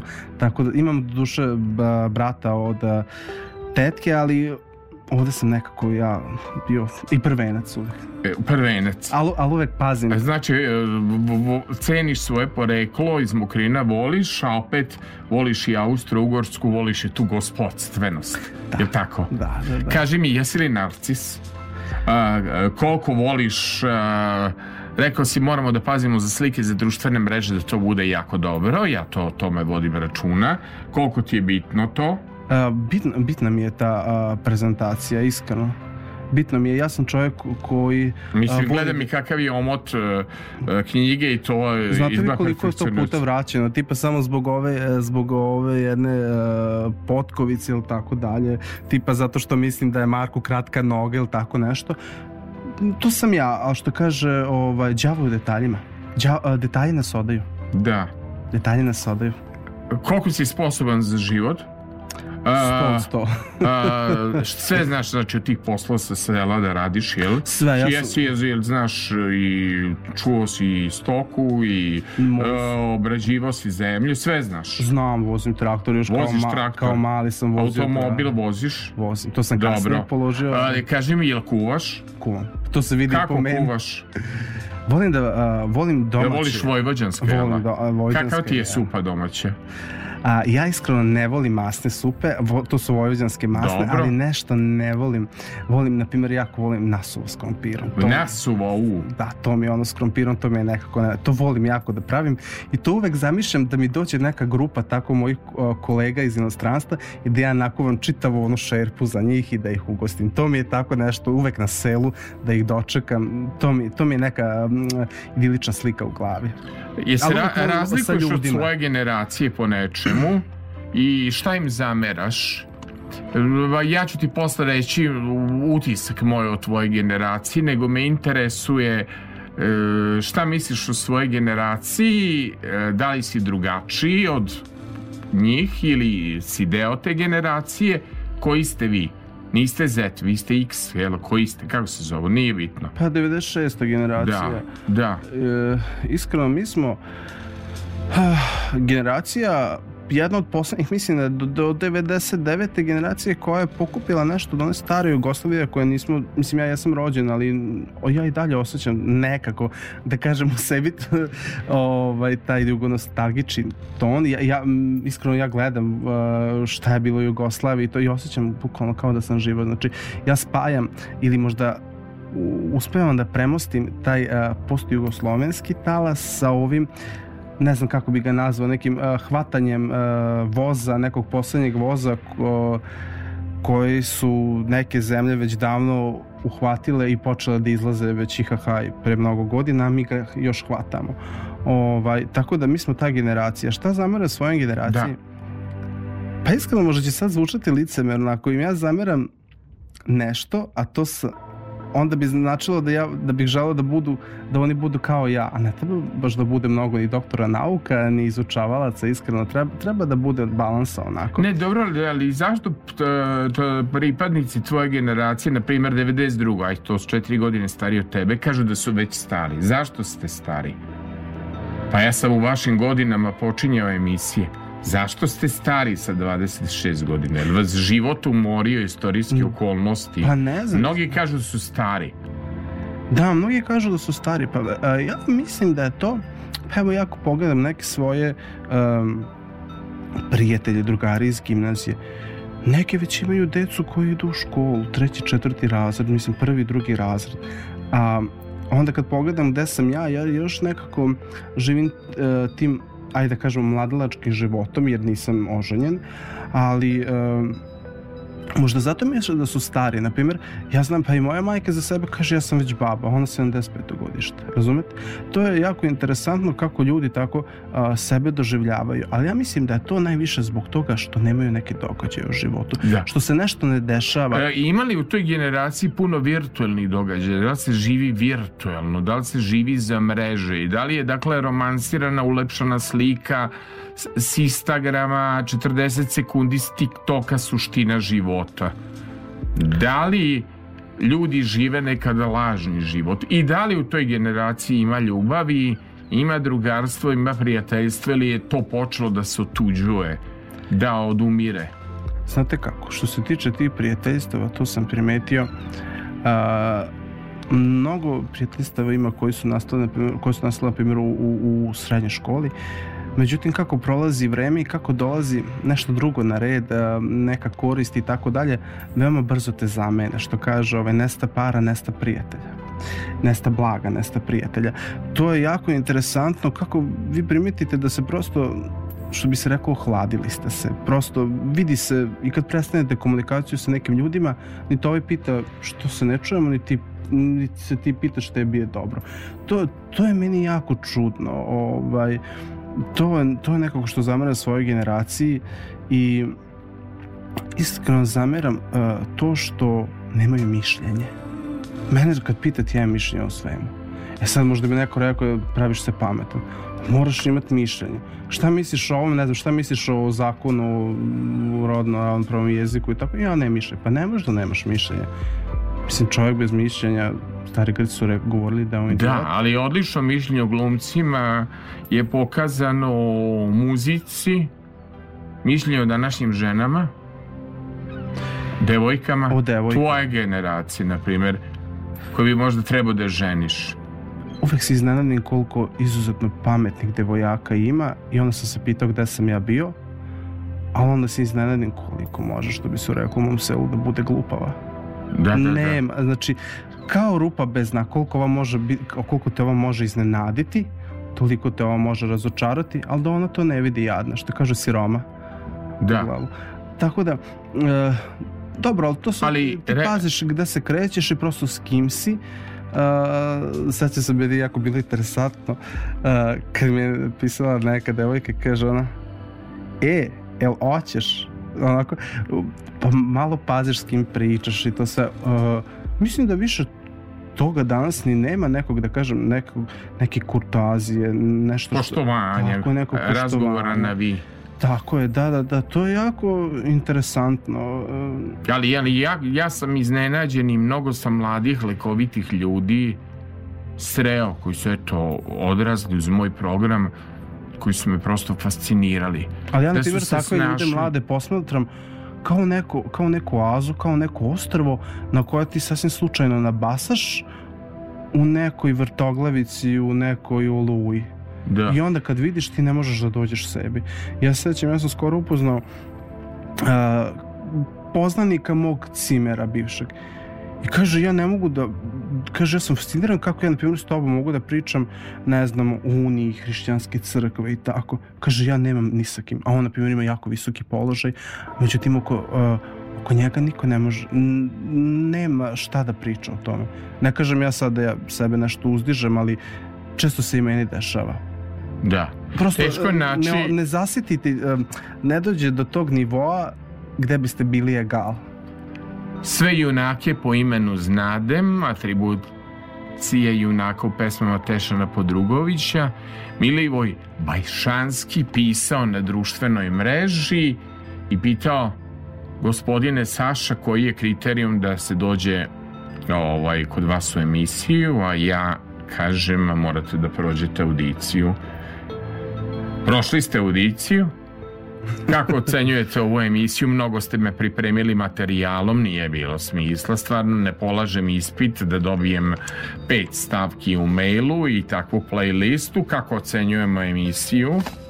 Ovu našu. Visokom, najvišom ocenom. Ste zadovoljni? Jako zadovoljan, iskreno jesam. Kako je bilo sa tremom?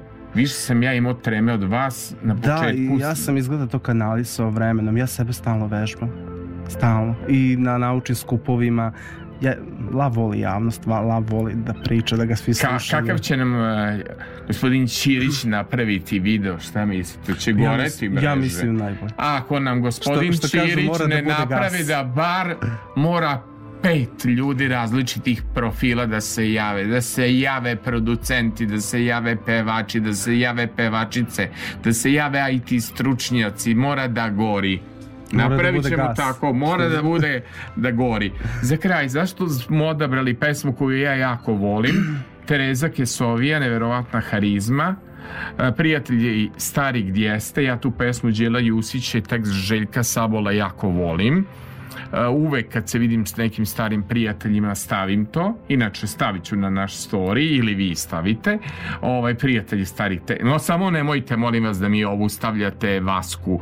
E, Želim prijatelje starih gde ste, ne mogu steni u cicvari. Hoću- da imam Dobro, to je preglede na Instagramu, hoću da imam bar 500 š- do 600 pregleda. Dakle, zašto volite Terezu Kesoviju i pesmu Prijatelji starih gdje ste? Pa to je ono što se kaže, počinje e, nekako, e, sve se gleda, koren se gleda u detinjstvu, posebno u tim gimnazijskim danima da ti stičeš prijatelji za ceo život. I ja gledam i sad sa svojim prijateljima, mi se stalno vraćamo u tu gimnaziju, što kaže meni jedna drugarica, ti još nisi izašao iz tog mokrina Kao ja iz gimnazije. Karlovačke Pa da. Ja kažem, pa ja jesam. Kaže, da, ali te, ti stalno, ti stalno pričaš o tom tvom okrinu kako ti ideš od komšije do komšije, ne znam, kada je slava nosiš kolače, ili ja kad dođem sad u mokri, mene svi zovu, ajde na kafu, ovde dođeš, pričaš. Prosto ti dođe ovaj, da se nikad ni ne vratiš, međutim ti znaš da je to jedna epizoda, da ti, znaš, da, da se moraš vratiti svom životu. Tako da to, to je neki, da kažem, omaž uh, svemu onome što si ti izgradio, da kažem, neke 17. 18. godine, za neke stvari koje su vredne, koje su vam vremenski ostaju verovatno za ceo život. Meni jesu sigurno do sada, evo, do 28. nadam se da će i u buduće biti. Verujte mi, tek počinje od 28. pravi život, počinje poznak da deluju, počinju pravi izazovi, ja to znam koji sam dobio prvu autorsku emisiju u 28. godini. Život tada tek počinje. Puno vam hvala, Milivoj Bajšanski za kraj, kolega Zoltan Feher nisam pogrešio, prijatelje stari gdje ste, kako ste kolega?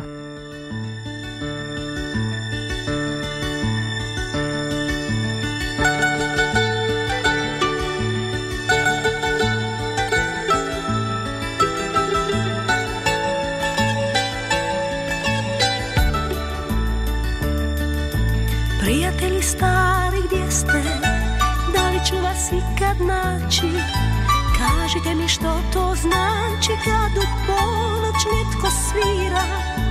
Prijatelji stari gdje ste? Pamtite li ove zvuke? Iznad dvora, iznad luke Dok se bijeli krila galeba Prijatelji stari gdje ste? Kao zraka mladost mine. Da li to plaću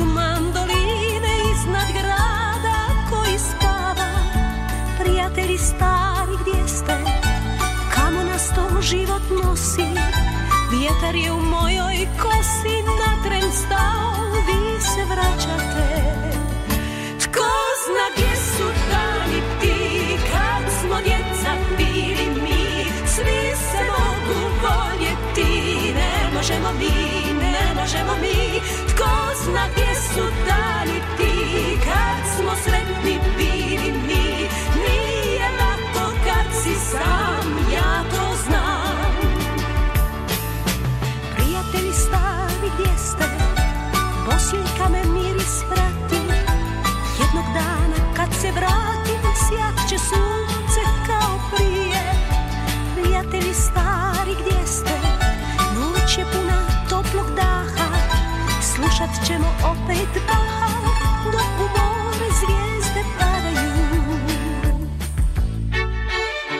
light motiv ove emisije zaista pesma, prelepa pesma Tereze Kesovije, e, ton majstor emisije Zoltan Feher, Zorna Đaković, organizatorka ovog programa, postprodukcija Tomislav, Tomov za prijatelje zvan Tom, urednik noćnog programa Radio Novog Sada Đorđe Postornački i urednica prvog programa Radio Novog Sada Milada Popović.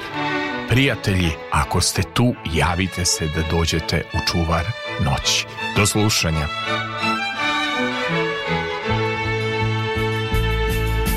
Prijatelji stari gdje ste Da li ću vas ikad naći Kažite mi što to znači Kad u ponoć netko svira Prijatelji stari gdje ste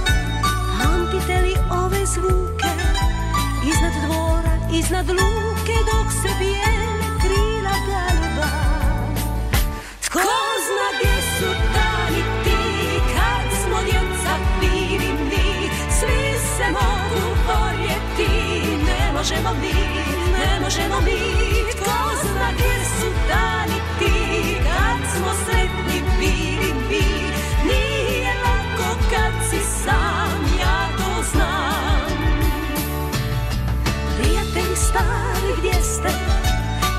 ću vas ikad naći.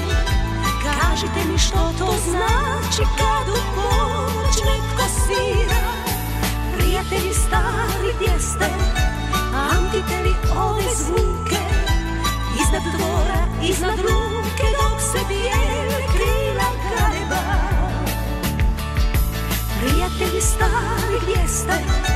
Bosinka me miris prati Jednog dana kad se vratim Sjaće sunce kao prije Prijatelji stari gdje ste Kao Halo, dobra noć. Ko vam treba? Čuvar noći Sve mi je jasno. Samo za vas. Čuvar noći. u noći kada nedelja postaje ponedeljak, uvek u interesantnom društvu, uz zanimljive informacije, s naglaskom na njemu svojstvenu muziku. Čuvar noći. Vaš Aleksandar Saša Filipović. Čuvar noći. Čuvar noći.